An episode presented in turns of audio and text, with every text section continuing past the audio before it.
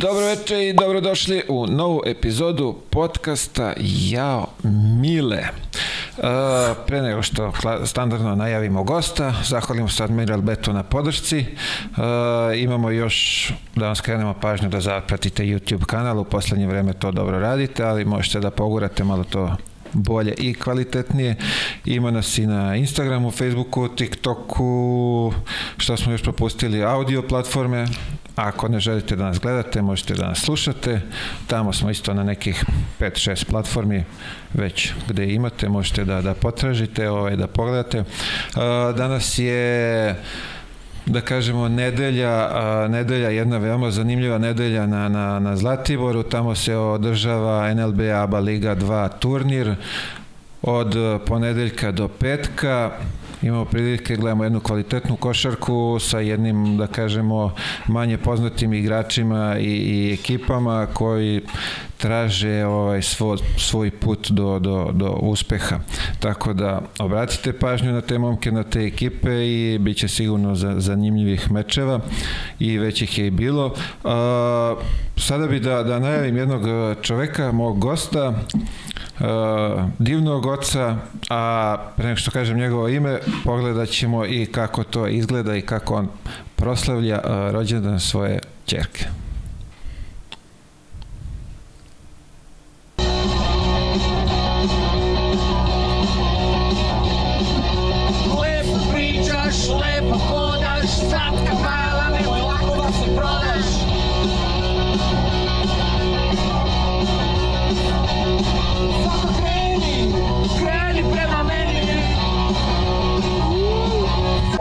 Sa nama je danas Aleksej Laki Nešović. Laki, dobro veče i dobrodošao u ovaj naš skromni studio. Dobro veče, mili, bolje vas našao. Nadam se da ti se ova najavica svidela. Zanimljivo je, smijeli smo se. Fantastično, kao i uvijek, svaki put kad je gledamo, opet mi onako Ovaj, mnogo puta neka. smo je podelili i, i među našim ovaj, prijateljima, drugovima, poznanicima, tako da uvek nam ovaj, svak... Beše koji mesec? Januar? Januar. Januar. 31. januar. Ovaj, svakog januara nam doneseš neku... Neko za, novo ludilo. Tako je, tako da sad sa nestrpljenjem očekujemo i, i, i sledeći rođendan. Pa da, postavili smo ovako neke granice, tako da to mora da pomerim za ovaj deveti rođendan. Ne znam kako ću, ne znam šta ću, tako da otvoren sam za sve ideje, tako da šalji.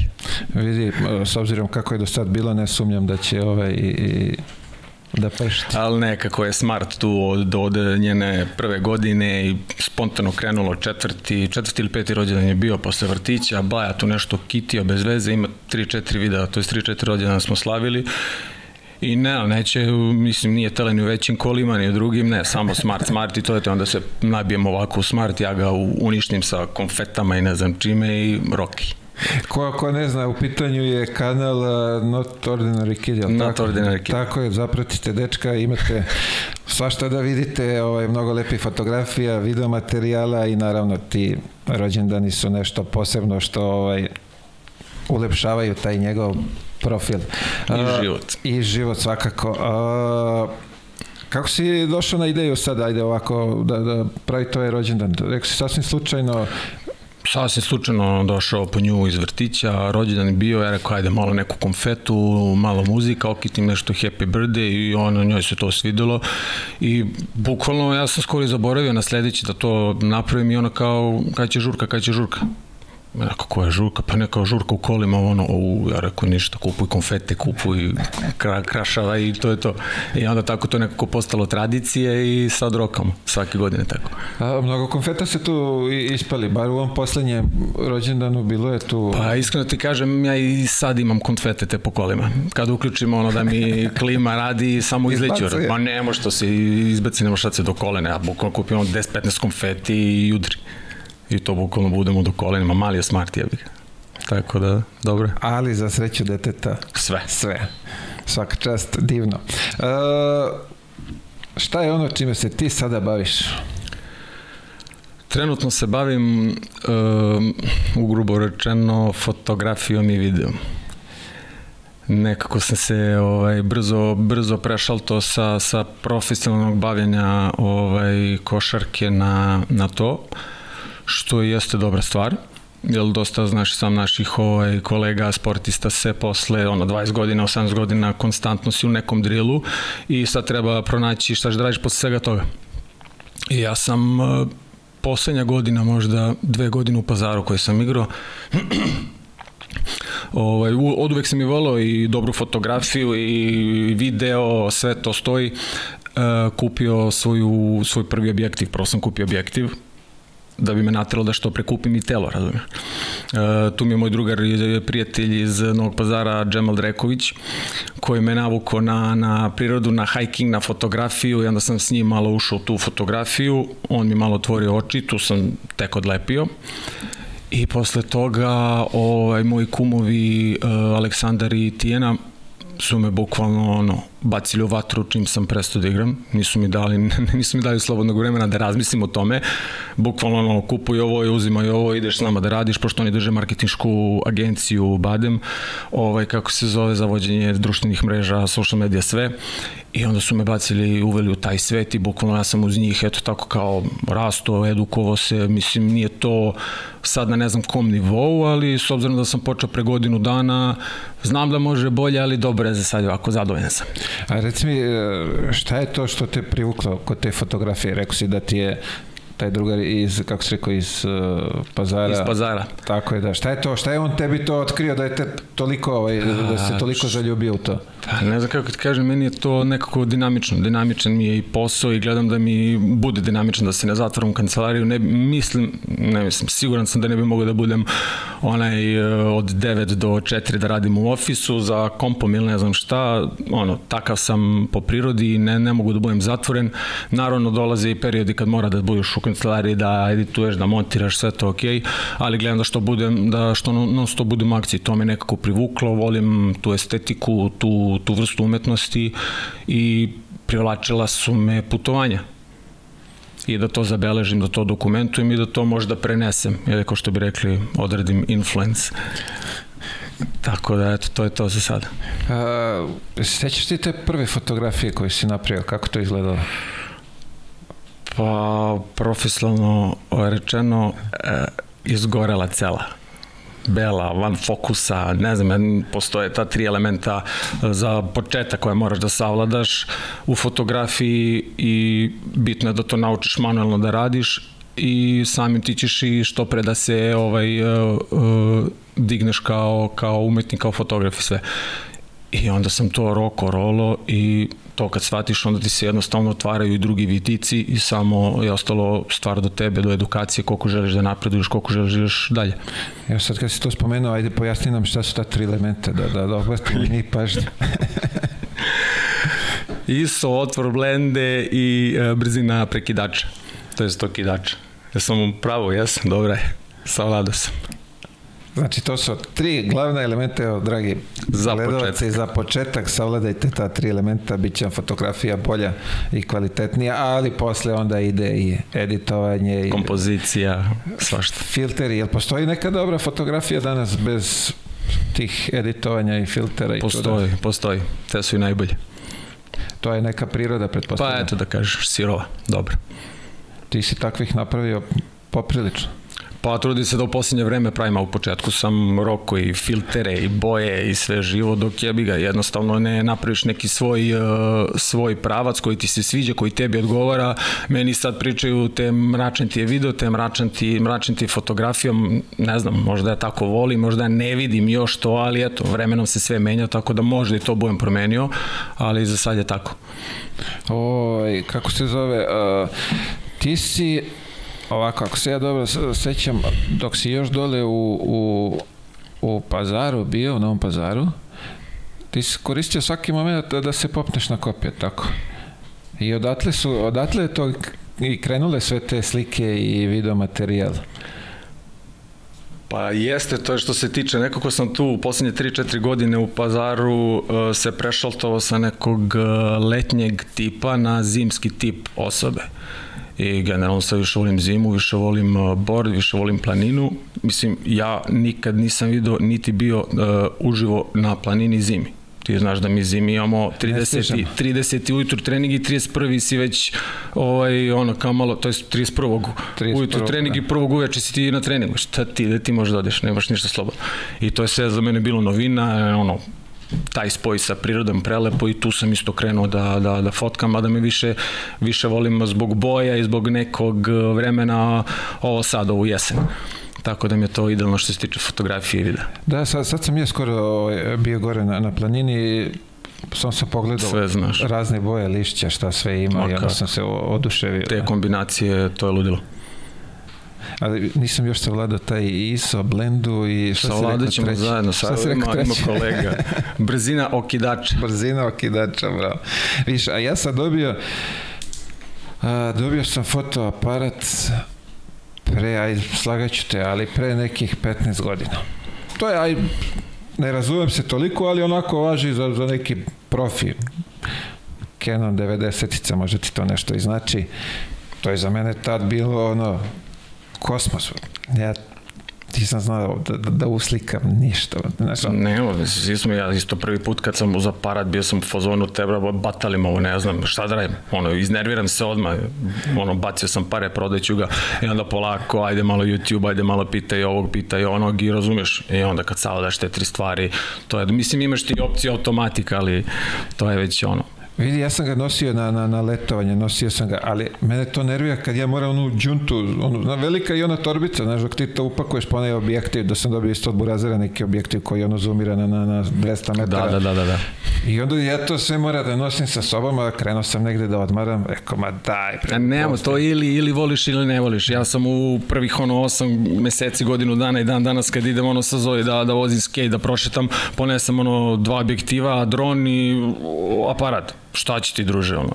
Ne, hoću da, da probam, da zabeležim, odem u skate park i ja ono, ona vozi, ja tri sata fotkam i snimam, razumeš? Mislim i meni odgovara malo i da vežbam i sve to, a i da imam dokumentovano sve to.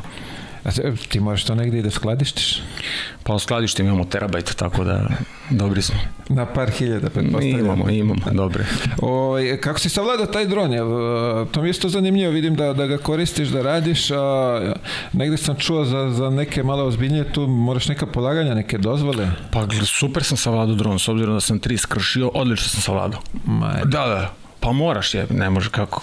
Ti kao da ga voziš, to ti ono kao kad voziš motor, mislim, deliš se na one koji su pali i koji će da padnu. Ja sam se isto smeo s tome dok nisam pao.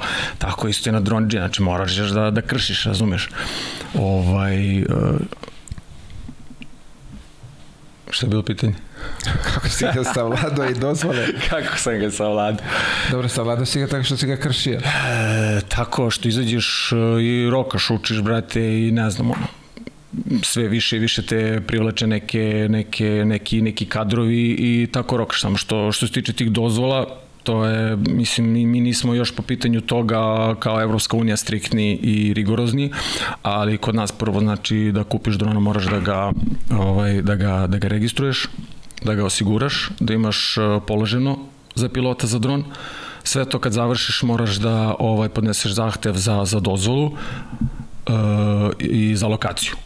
I onda ti to, ovaj, kako se zove, čekaš, 7 do 10 radnih dana, eto nikad nisam radio ono što sam pratio po forumima, tako funkcioniše. E sad ti da bi digo, u centru grada ne možeš nigde da digneš, to je, na primjer, neka crvena zona gde ti ne možeš nigde da digneš, to, to u suštini sve što je blizu, vojska, policija, škola, obdaništa, vrt, ništa tu nema, znači i iznad ljudi, to, to se ne dozvolja, sem ako nije neka ozbiljna produkcija da to može da se dozvoli, da je snimanje nekog filma ili serije ili tako, onda se to, to dozvoljava, ali znaju i tada da, da kiksnu. Tako da, kao što bi rekli, uh, uštekam se i dižem ga na divljaka. I to je to. I gledam što dalje od ljudi, da budem što bezbedniji, što oni da budu bezbedniji, to je to. Pa da, to, to vidiš, primetio sam i sad hoću te pitam kako onda, ovaj, ako sve to treba, kako svi ovi snimaju čoveče, to ne, nemoguće je. Pa većina snima kao ja. prođeš, Većina na- snima kao ja. I onda... Verovatno će me posle ovoga pozvati na jedan informativni razgovor. Tako da, da, ti praviš prelepe ovaj, kadrove, nije pa to... mislim ima tu i Da, da ti danas u, u suštini kad malo bolje pogledaš s tim čudom možeš ono uđeš svugde. Pa ja sam ga prisloniš se. kupio, ja sam ga kupio za potrebe te prirode, razumeš, da to zabeležim, da kad idem na hiking, na camping, e, to mi ostaje. I onda sam ga jednostavno i posle ti zahteva da imaš neke videe i to obogaćuje i, i materijal i sve i onda moraš da ga ubaciš i to, na primjer sad isto Beograd na vodi. Naravno moram da imam dozvolu od njih, imam dozvolu i letim samo iz, i, iznad e, tog područja Beograda na vodu i to mi mnogo pomaže i meni u, samo, u samoj montaži i u samom materijalu da posle dostavim. Bogati mi, razumeš? Znači ti bukvalno sad moraš od njih, pošto su oni ovde, ajde kažemo, privatna kompanija, je li oni ti daju dozvolu da možeš da, da Oni snimaš? mi daju njihovu dozvolu da mogu njih da snimam. Znači sa njihovo sa njihove sa njihove sa njihove privatno vlasništvo sa njihove zemlje mogu da dižem dron. A inače kad nisam imao to ja pređem preko puta na Novi Beograd i uradim to isto jebik. A faktički, da. Koliko je domot, bre? Koliko, koliko su domot? To mi nikad... Pa, ovaj, zavisi, imaš tri klase, imaš prva, druga, treća, mini, mini, 1, 2, 3, oni spadaju tu prvu klasu, oni imaju manji domet, e, manje su stabilni na vetru, druga klasa, pa ajde da kažemo visina 500 metara, daljina papirološki do 7-8 km, ali to ako si u gradu teško zbog ometanja Wi-Fi i gluposti. Ali kad su u prirodi možeš da ga šibaš daleko. Wow. I čekaj šta ako bućne negde tamo posle 3-4 km? Ima neki ovaj lokator, nešto. Meni je bućno tako na Koponiku, snimao sam neku zemlju lokaciju, bio je januar, februar, sneg, planina, do kolena. Išao sam, pravio sam neki snimak unazad, idem, naravno Mini 2 nije imao senzore, senzore, još ja naravno nisam ogledao teren i naravno jelku i ništa šta ću, ovaj, navigacija na telefonu, pokaže mi lokacija gde je dron i do kolena sneg, jedna, drug, jedno. Tražio sam jedno sat vremena, umro sam i jedva sam ga našao. Sreće, ništa se nije polomio. A čekaj, ostao gore na, na Ne, ne, ne, pao mi, pao mi dole. Pa, dole. Nije, nije velika elka bila, tako da, to je visoka. I onda mi je pala dole, sreća, ništa nije bilo dronu, ništa, nastoju dalje, digo leto i to je to. Jedan sam skršio u drugu, to je R2, on je pukla i baterija i kamera, sve. Koliko brzo to bre piče? Pa ozbiljno brzo ne znam, nisam nešto merio, mislim pokazuju ti konstantno, razumeš na ekranu, ali nisam gledao. Nisi obraćao nisam, nisam, to. Ali no, tipa no, možda ide nekih 20-30 na sat. Malo brže, dosta brže. Mnogo, pa. mnogo brže. To, gde smo mi sad, negde sam skoro bio i samo vidiš gore iznad tebe. Šta ovde preleti, bre, mislim, ako ne gledaš gore, ti ne, ne primetiš, ne čuje se. Pa se zavisi koliko visoko digneš, razumeš za kak, kakve su ti potrebe, da mislim imaš sad ove dronove FPV male koje, koje imaju ozbiljne komande, bukvalno može da ti ga protera tu ispod mikrofona, razumeš, i da te našteti ima naočare i bukvalno to su ozbiljni piloti i ozbiljne, ozbiljna, ozbiljna priča. Nego ovo što ti ono sinema ideš malo snimaš gore, dole, levo, desno i to je to. Koliko si daleko od te ozbiljne priče? Pa ne znam, za sad ni to onako zvuči daleko mi je skroz, razumeš. Za sad sam zadovoljan novim, ali se više više privlači me ovaj, kako se zove ti malo brzi i uh, ekstremni dronovi zbog snimaka, zbog svega, znaš, kad pogledaš na Instagramu, to nakon mnogo lepše, dinamičnije izgleda, nego kad ti ga pustiš pa lagani, onaj video, pa krug, pa gore, dole, se zavisi. Vidjet ćemo, nema pojma, apetiti rastu, tako da verujem da će u jednom trenutku i na to da se prešalta. Pa dobro, i tehnologija napreduje iz dana u dan, tako da je to ono... Znaš samo koliko su dronovi opasni, šta mogu sve da, da urade, tako da rastu. A, dronovi ti ih koristiš samo za lupam, koristiš, koristiš ih i za ovaj YouTube materijal ili samo ove društvene mreže? Ovaj pa većinom za društvene mreže, da većina za društvene mreže. Mislim, nemam YouTube za kanal. Potrebe, to... De, za potrebe klijenata ili? Za potrebe klijenata, da, sve, svaki put. U zavisnosti što oni traže. Jasno. I to je isto neka opcija koja se ono dodatno i naplaćuje i tebe dodatno košta što da izađeš, da digneš, s obzirom da opet dižeš na rizik, Tako da... A se je desilo nekada neko, imaš neki problem prijave neke i to da, da moraš da bežiš? Pa ne za sada. Za sada ne, nema nema baksuziranje, nema svaki ga budem digao. Nije dobar sam, već verovatno sam dobar u ovaj, kako se zove, skrivanju, tako da za sad nemam ništa. Kamuflaž. Ma kaki. Da me neko juri, ostavi bi ga i beži. To je to. Uzmi, brate. Return to home i čao.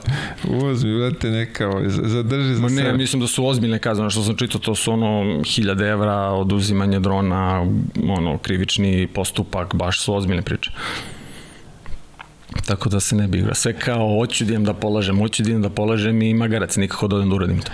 A gde se to polaže? Kod koga? Kako? Što, to ima ovde neka škola ili moraš preko neka? Imaš, ne, ne, ne, imaš ovde da li u ministarstvo duhopolstva, ne mogu ja da se setim A, tačno, znači okay, podnosiš okay. zahtev, dobiješ uh, ono, pitanja, učiš i to polažeš, ne znam da li se online polaže ili moraš da ideš tamo. Pa zanimljivo. Pa nije, ono, realno, odi kao za kola, razumeš, odeš, naučiš, polažeš što praksu, što, ovaj, kako se zove, teoriju i polažeš normalno. A sad posle toga pretpostavljam da ti važi za, za sve modele, i te brze i male i spore pa, ili... Ne, baš za sve modele, to svaka, ja mislim da se to klasifikuje po gramaže, razumeš, tebi za 250 grama mini ne trebaju te neke dozvole, tako kažu, odatle ka gore trebaju i svaki stepen više ti treba neka jača zbiljnja dozvola. Sad imaš dronove koje vrede, koji vrede po 34.000 evra, razumeš, što one poljoprivredne, tek ti za to treba ozbiljna priča. Šta bre poljoprivredne? Pa zaprašuju se poljoprivrednim dronovima, znači natovariti 20-30 litara ovaj, za zaprašivanje i roke. Ogromni dronovi, ko ovaj 100. Dobro, ostaćemo na ovim no, video i fotografija. Ovim da, da, to pusti, nećemo u, u te poljoprivredne da, da ulazimo. Uh, imaš neku, ajde kažemo, omiljenu sliku koju si napravio do sada u ovoj tvojoj post-košarkaškoj karijeri? Joj čoveče, možda imam, ne znam. Da, ono kažeš, wow, ovo sam baš car sam. Pa ne znam, možda je ovo jednom prilikom sam ovaj, sa ovim, sa mojom firmom, da kažem, Bade Media za koju radim, smo radili Serbia Open turnir u Beogradu na teniskim terenima Novak. I onda sam fotografisao, naravno snimao i mislim da sam Novaka u tom trenutku uhvatio da je bila neka spontana fotografija na terenu, to sam malo izeditovao i možda mi se ta sviđa kao eto kao trenutak koji si čekao, razumeš, 3 4 dana, 5 i onda si šesti ga uhvati u tom trenutku i ispalo je perfektno i meni se to eto kao mnogo mnogo mnogo svidelo. Pošto me i to privlači u fotografiji, ono taj trenutak da zabeleži momenat, emociju, to je ono što me da kažeš pali. Eto, može ta fotografija. Jako. Ja sam u, u seća se u Budimpešti, imam i dan danas tu negde sliku na nekom trgu, ponao sam tu džuntu sasvim i pazio kad sam stavio, ja nisam provalio da sam stavio taj veliki ovaj objektiv i teo sam neko dete da slikam tu ispred, ima neko ono u kosicu, znaš, ono lepo kao onaj afro fazon. ja otvaram, ono ne vidi se ništa. Ne, gledam gde se izgubio, je, i onda dok sam promenio, držim, ali to mi je jedna onako lepih slika koju sam napravio i kao, s tim se ponosim, kao to mi je. Izbaci na stranicu. To, to, to, mi je, to mi je dobra slika. Ali ne, stvarno sam nekako, i lepo je, i dete lepo izgledalo, ali ta kosica, kako je to sve, ovaj, stvarno sam za, za pohvalu, što bi se rekla, sam sebe hvalim. Ovaj, uh, uh, Highlander, ekspedicija. Kako si došao na, na, na, na tu, ajde kažemo, ludu ideju? E, pa s obzirom da, da sam ovaj, popaljen ovaj, na, na hiking i na prirodu, e, drugarica moja isto koja sam upoznao igrom slučaja ovaj, na jednom od e, na jednom od, kam, od kampovanja hikinga, Kristina, ovaj, zvala me, ona je jedan od organizatora uh, ovaj, Highlandera Srbija, koja se održava na Staroj planini. I onda me zvala kao da li hoćeš da, da ideš, da mi da kao tu uh, kartu, ja da eto kao da njoj neki fotomaterijal, ali ovako, ono, više zbog mene, pošto znam koliko volim to. A ja sam hteo ovako da idem, rekao tamo sam prošle godine hteo da idem i super mi palo. I ništa ima ovaj, kako se zove, uh, 24, 55 ili 50 i 100 km. U zavisnosti koliko hoćeš, jedan, tri dana ili 5 dana i svi kreću istog dana s istim putanjama, do duše dobijaš ti ovaj mapu kuda da se krećeš, kuda možeš da se krećeš, gde su ti ovaj kako se gde su ti kontrolne tačke, tu dobijaš hranu za dva dana, kampuješ, sve zavisi ono, ti praviš sam plan kad hoćeš, koliko hoćeš da pređeš, niko te ne tera i to je to, jačanje nekog, neke psihe, nekog uma, e, fizičkog stanja, mislim, fantastično iskustvo, ko voli to, ono, topla preporuka. I ništa, mi smo ove godine ovaj, otišli, spremili se, kiša dva dana, lije, nestaje. Ja šta, ono, došli tamo, spremili se to brdo ljudi, vidim ja svi oni nabrijani, rokanje jako ide, ako na čemu ste drugari, vrate, dajte malo pa da idemo zajedno. I ništa, bio sam tu sa Zokijem, mojim drugarom, on i ja u paru, spremili opremu, naravno sve noši sa sobom, šator, šta je, to, veće. Ob, obavezno da mi ispečaš šta je to od opreme što ti nosiš sa sobom? E, zamensku garderobu, donji veš, e, nešto higijene, neki nož, čisto da se nađe, viljuška kašika nož, e, vreću za spavanje, podlogu za spavanje, šator i ostalo je sve, naravno, aparat, dron, to nigde bez toga i to je to za sada. Ono, rezervne čarape, to, normalno, u zavisnosti kakav ti je teren, biraš obuću i to je to. Na to, na to overiše, na to overiše, to je to. Ja sam bukvalno imao jedno Pa gleda, tu gledaš naravno da budeš što, što lakše, da ne, ne tovariš sebi, jel posle nekog kilometra počinju da te kidaju leđa, da te kidaju ramena, to su užasni bolovi.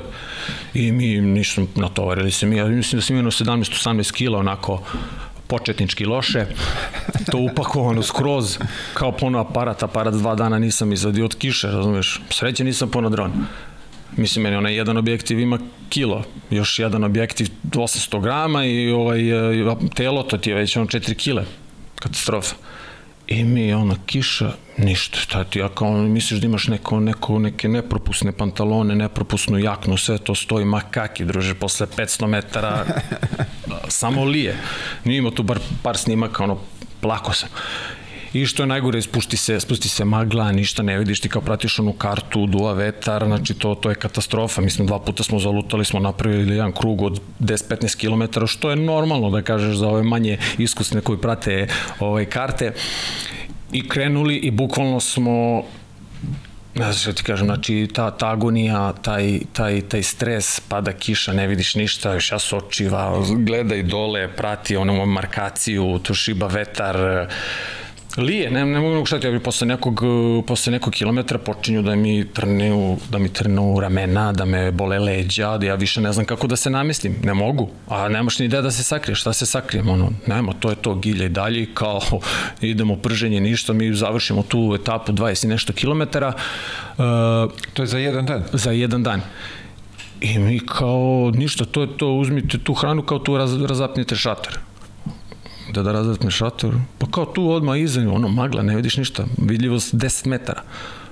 I ja bio u fazonu s ovim drugom šta da radim, brate, sad ono, mokar, dok otvorim šator i šator će biti mokar. Rekao, koliko ima do te druge tačke? Pa kao 18-16 km.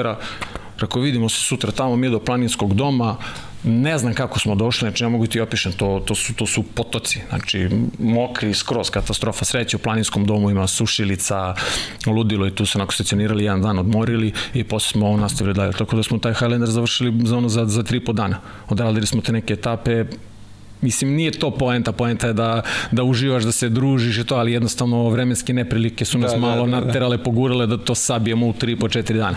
I onda smo peti dan kurlirali tamo na, na posljednjoj tački i to je to. Uh, mapiranja, mape, uh, obično ono što sam malo ja saznao, to treba da znaš i da, da, da čitaš to.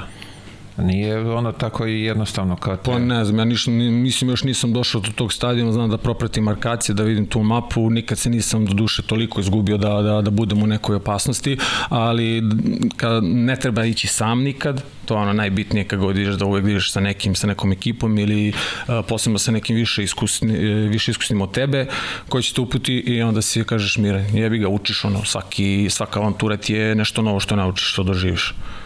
Vidi, ček, ti se prijaviš, šta si rekao, za 50 km ili za stotku? To. Stotku, to.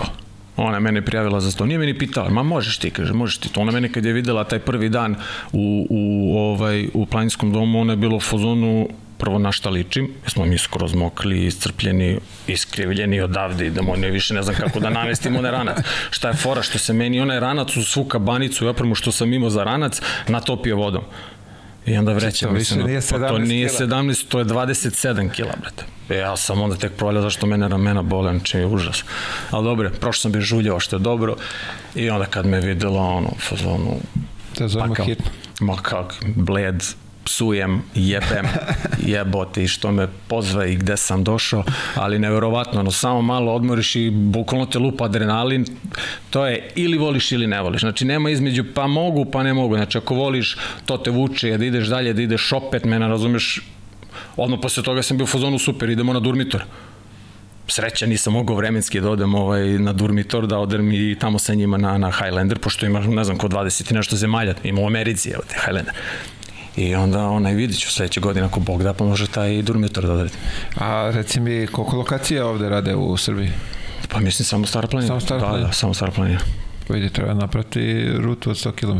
Pa, Stara planina je prelepa, ogromna, ne mogu da ti opišem. Ja sam posle toga išao sa, sa Radovanom Kolačom s kojim se rađujem što se tiče nekog snimanja za njegovu emisiju i onda me on, nema gde me nije vodio, ali eto, na primjeru prilika zove me posle mes dana, e, kao super, idemo ono, ali ćeš me ubiti kad te budem rekao da idemo. Ja rekao da idemo, kaže na Staru planinu, rekao ne idem na Staru planinu, nema šanse. Ali kaže, bit će lepo vreme, bit će to po ono, I ništa, naravno, zezamo, odemo i ono, dva, tri neverovatna dana, pošto su ono, dobro vreme, vidiš sve, razumiješ, ono, Sofiju vidiš, brate, sa, sa stare planine. I baš mi je onako mnogo prijela i top sli isto preporuka za svako ko voli ile malo hiking i tu priču da, da gađe staru planinu.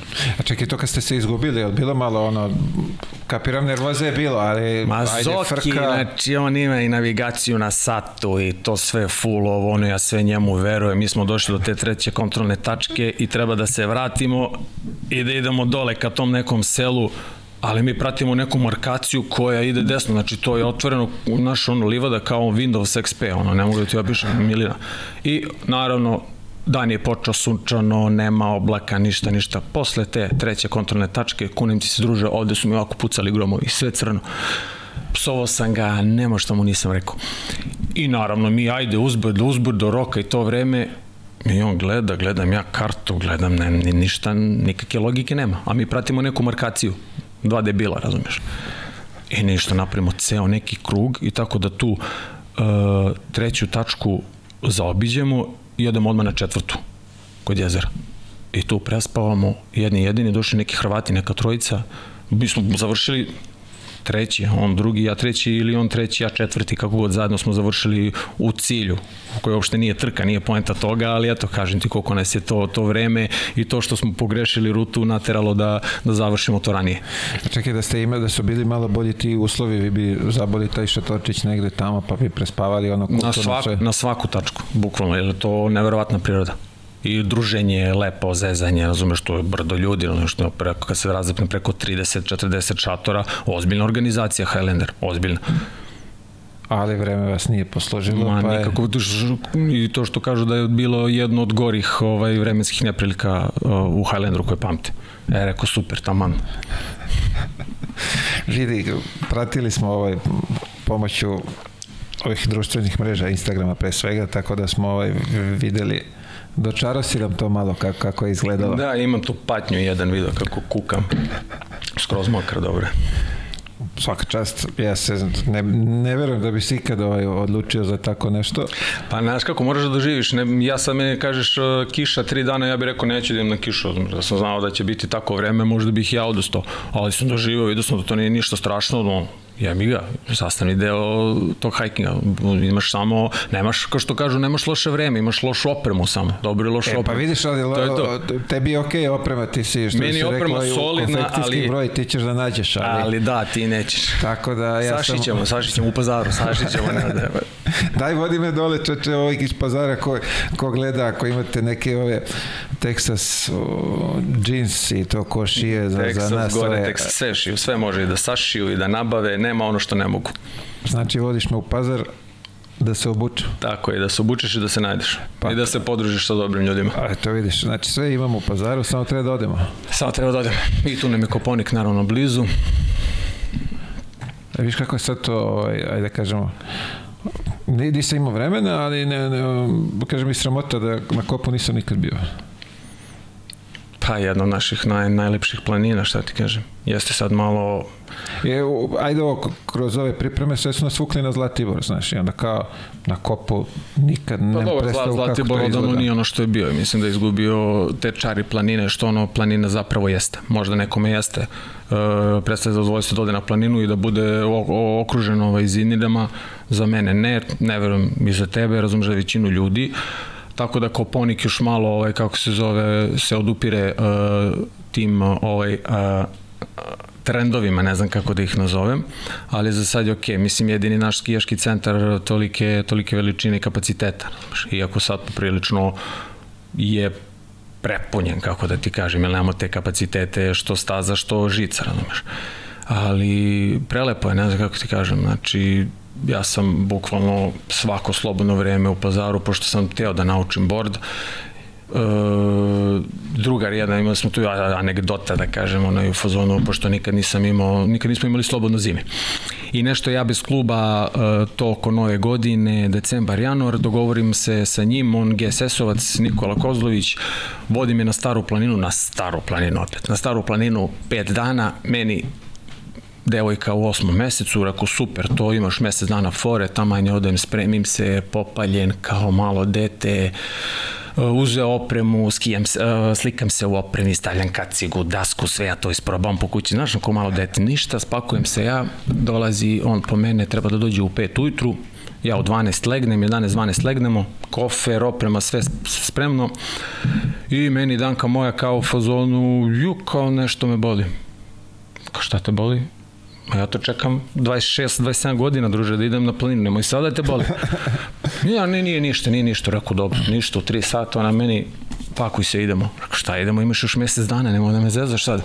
Ništa, to je to. I tako da sam ostao, ovaj, kako se zove tada, bez, bez borda i bez učenja, bez planine, ali eto, slikom prilike, koliko je posljednje tri, tri godine u pazaru, svaki slobodni termin sam koristio da, da odem na planinu, da li da vozim bord, da li da ne vozim, to nama manje više nije dozvoljeno, ali ajde, ja sam u tim godinama da više, ono, ne moram nikome da polažem račune, niti da se pravdam, razumeš, niti sam to krio da idem i kad idem i onda sam se zaljubio i u tu dasku i u taj sneg, bord i to je to. Kako si savladao dasku?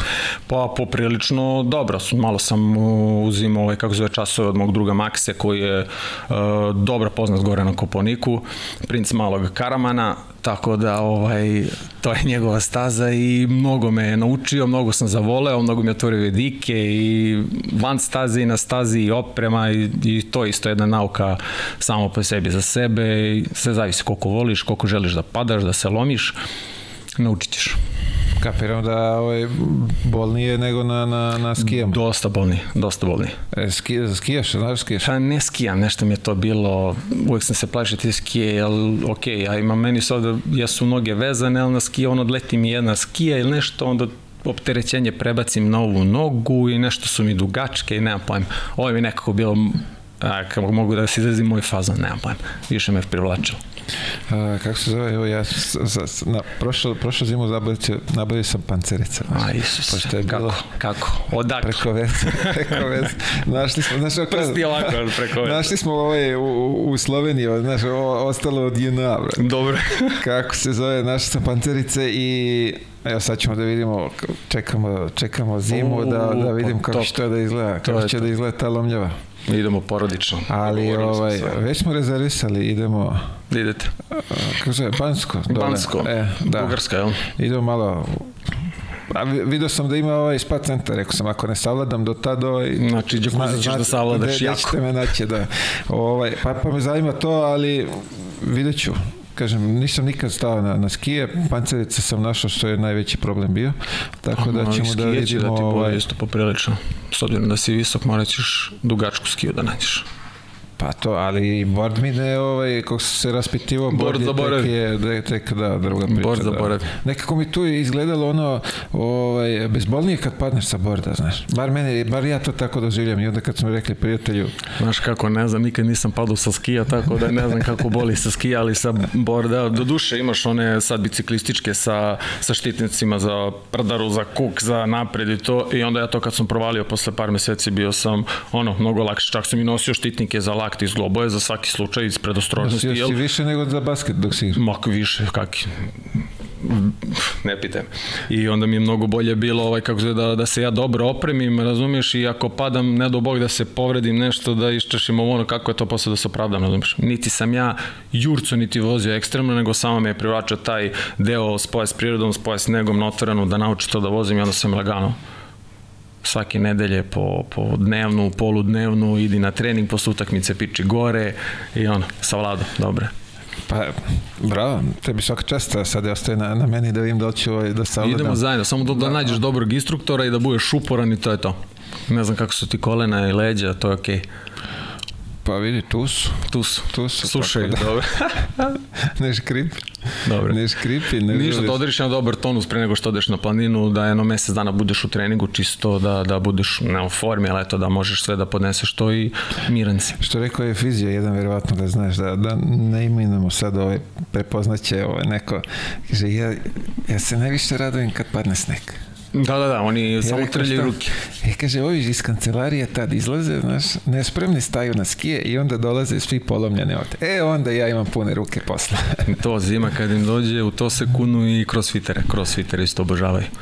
Pa šta, realno ti, ako sediš celu godinu za kompom, za, za, za negde u kancelariji, kao idemo sad na skijanja, pripremio se nisi. Ma naprže se, popale se, posebno što odu tako s kancelarije pa gore sve oko nove godine, pa džoka i pi na stazi, pi uveče, onda odemo stazu, stvarno ima ekstremnih likova i prisutao sam ovaj, nemelim scenama koje nisu ni malo ono za katastrofu. Jer on je, bi ga, ono, misli, zna da vozi, ok, ali ono, ne možeš ti da predvidiš uh, nikoga sa staze toliko, razumiješ otkud znali, da, da, pijan pogotovo dokad... tu, da, da, da, pogotovo tu mnogo ljudi, no. a po, mislim, poprilična je brzina, nije to ono kao u auto si pa će malo te zaštiti. Možeš mnogo dobro, da, mnogo dobro i brzo da ga, da ga zaštiš, u zavisnosti koliko si poznavalac i koliko te to sve pali. Pa ja ću Tako tamo, ja ću kako se zove na... Ti ćeš da baby stazu tamo sa strane. Tako je, sa, sa decom da vidim šta od njih Aj, na nešto da divča, naučim. Divča ti je blizu. Divči bar. Imaš divči bar, divči ski rezort. I imam tamo sve, ali priču. tamo ja moram čekam sneg do, do, do februara. Ali dobro, ti si tamo često. Pa jesam, da, to je sada moja planina i pa. ovaj, lepo je. Bio si ti tamo? Ovaj... Nisam vozio, išao sam, radio sam tako i vidim, je. malo, malo idem gore, ali ovaj, ove godine će baš, tako da možemo zajedno. Ostalo je, ovaj, smo, to je to. Ostalo je onako, što kažemo, još netaknuto, ali počeli su lepo da dižu Vide i gore. sve, poprilično. Popularno prizemlje, sprat i potkrovlje, a u potkrovlju šest pratova. Šest, pa kao, tako je, da, pa tako je projekat šta radimo. To je ovaj, sve dozvoljeno. Tu smo. Ovaj, uh, jesi ti adrenalinski zavisnik? Pa... E, možeš tu da se, što bi se reklo, klasificiraš? Pa tu sam blizu. Nisam još za to ovaj, za, za neko uh, ekstremno, ekstremno samo iskakanje iz aviona i letenje, ne znam, sa onim modelima, ali tu sam volim, volim da, da, da savladam nešto, da doživim e, što mislim da ne smem. I što je za mene ono kao misalna imenica.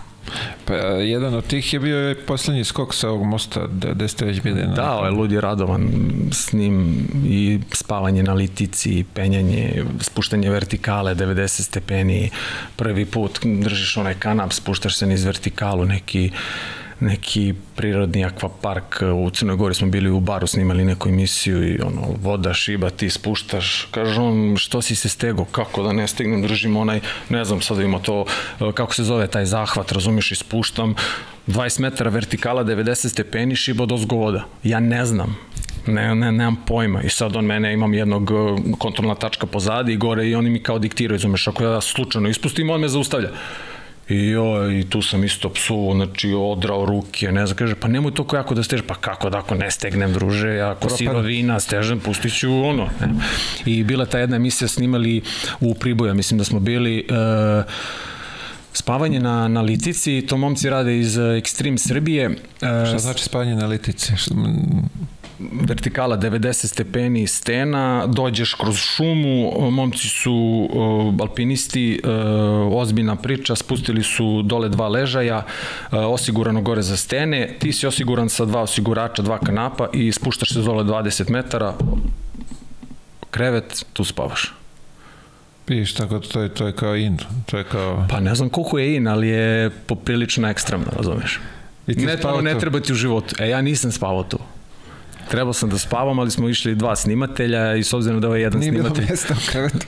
No, ja sam se spremao za to sedam dana, on meni kad je pokazao, mislim, zainterat sam, ne volim visinu, ja sam odostao na 19. spratu, sve to okej, okay, ali ne volim visinu i i priprema i se psihički i sve to i ništa, ja posljednji dan snimamo taj rafting i ja sam već krenuo ozbiljno da ulazim u glavu, jer ja treba da se spustim opet ta vertikala 20 metara, mrak, mrakčina, ne vidim ništa i onda da spavam na tome da dočekam ovaj, kako se zove, svitanje mi smo otišli u 12, pola 1 smo došli tu.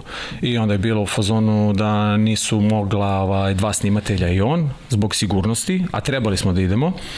I onda bi bilo između mene i ovog jednog druga, ali s obzirom da je on isto hteo kao ja, a mnogo je više saradovan od mene i onda nije bilo priče, rekao sam ideš ti, to je to, ja ću gore da ostanem da proplačem, ali taman se si spremio, stisu zube, bulju, sve, rekao idemo, to je to, jako.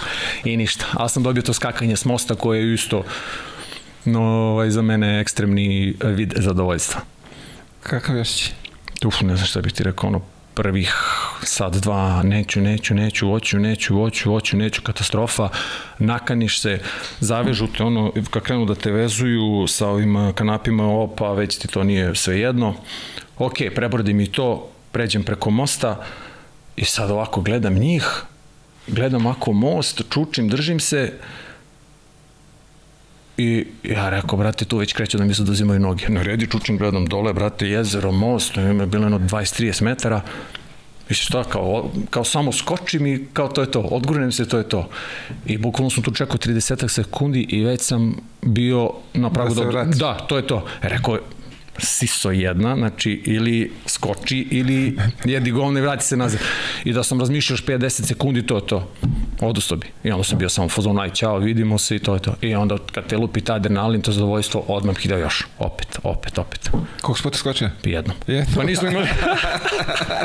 ja, opet, opet, opet. Nismo, nismo imali vremena, nije. Pa imalo nas je četvoro. Četvoro smo morali da skačemo. To vremenski treba izvući posle njega, pa opet razmontirati, montirati na drugog. Bili smo ceo dan tamo. I u sve to još snimiti, razumeš Radovana koji ima što što da kaže, razumeš i da se napravi ovaj emisija, tako da dobro. Čekaj, te cimne dole, ovaj, kako ne, to, su neka, to, su neka, to su neki elastični kanapi, tako da te ne cima, ti si osiguran ovde leđa, dole ispod e, nogu, guzice i top. Ja sam mislio baš da će da me, da me cimne, međutim ne, ne cima, samo se odaljiš i on bukvalno napravi luk i super. Malo ludilo. I e, ko voli, neki izvoli. Ideš ponovo? Čekaš ili? Evo zovu nas non stop. Ne, moram da odem na tu liticu da spavam na litici. To je to. Rekao sam da to hoću i to je sledeća to je sledeća. To je sledeća stavka. Čekaj, tu sad, to isto mora neko ovaj, godišnje doba da bude, nemo što u sred zime ili tako, kako to pa, funkcioniš? Ne znam, ne znam. Mislim, čekaš neko leto?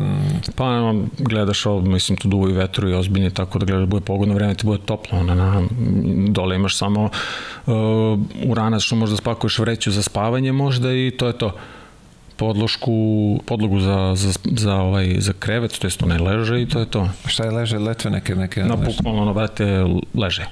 Ono, letve neke sa nekim, uh, nekom podlogom osiguranom i to je to. A šta si rekao, gde to? Uh, kod Priboja. Ja mislim da je Priboj bio.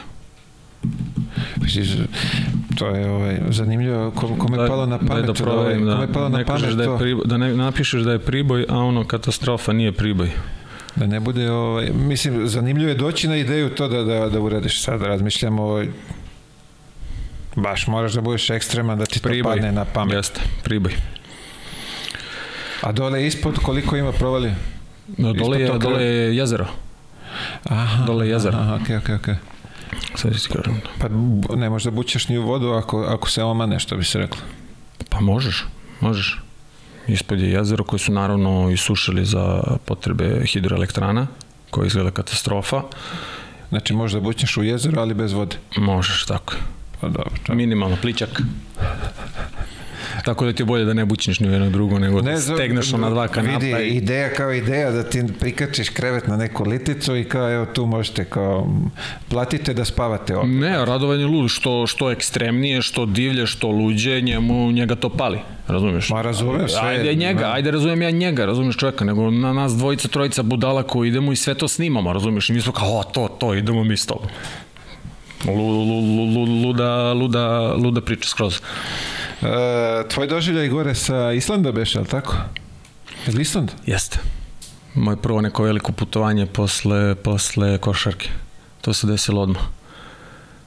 Ja ne znam kako ti je priznati, ti znaš i sam kad, kad prestaneš da igraš košarku, o, ovaj, ja sam 5-6 meseci se budio svako jutro, aha, trening, mora da idem na trening. Ne možeš nigde družiš, šta ti ne igraš košarku, ono, baviš se nekim drugim stvarima košarku ključi ćao, razumeš? Pa ono ne prekriži, ali jedan deo ovaj, uh, tvoje životne priče sa tom košarkom je prošao, završen, mnogo sam joj zahvalan, stekao sam šta sam stekao od nje, sa njom, uz nju i to je to. Uh, kad su mi pitali ono da li bi uh, se bavio košarkom i to uh, jednostavno košarku sam prestao da igram zato što je prestalo da me pale više nisam imao želje za njom razumeš. Fizički sam psihički mogao sve, ali nisam mogao više, razumeš, sa, sa glavom, nije me više, pritom sam bio odvojen od porodice konstantno tih 7-8 godina, koliko mi ima čerkica ovaj, poslednjih 7-8 godina. I jednostavno mislim da ništa lakše u životu nisam uh, presako kao što sam presako uh, košarku. I kume zvao koji je trener u, u, u ovaj Valjevu, Bane Ratkovica, ajde kod mene da igraš, ajde da mi budeš pomoćni trener, budi kondicioni trener, šta hoćeš da budeš tako druže, ja ne mogu više da gledam košarku. Ne mogu da gledam utakmice, ne mogu da imam scouting, kad mi kažeš autobus, pa ja sad autobusom ne bi mogu da imam jednu stanicu. Mislim, nekoliko mi se smučalo da ne zvučim, uh, da me neko ne sati pogrešno, ali jednostavno ne mogu, to je to. I onda me zove, ovaj, završio jedno, dva, tri meseca, i Aleksandar Trifunović, jedna dobra momčina iz, iz Kraljeva, Kvarc, ovaj, zove me, nismo se nešto mnogo dobro, nismo se poznavali uopšte manje više, zove me kao je, kao ćeš na Island. To se kao da mi on sad pošalje poruku je kao hoćeš da idemo u Norvešku kako, šta, organizacije, kao ništa, sve sam ja organizovao, e, taj, ta ekipa, hoćeš tad karta, idemo iz Budimpešte, U, ja rekao, kako ću sad, pa imam trening, pa rekao, nemaš trening, majmun je jedan, još ne mogu da se opustim, pričam sa, sa Dankom mojom, kaže, idi bre, majmun, kad ćeš ideš na Island, ako ne ideš sad? I ništa, ono.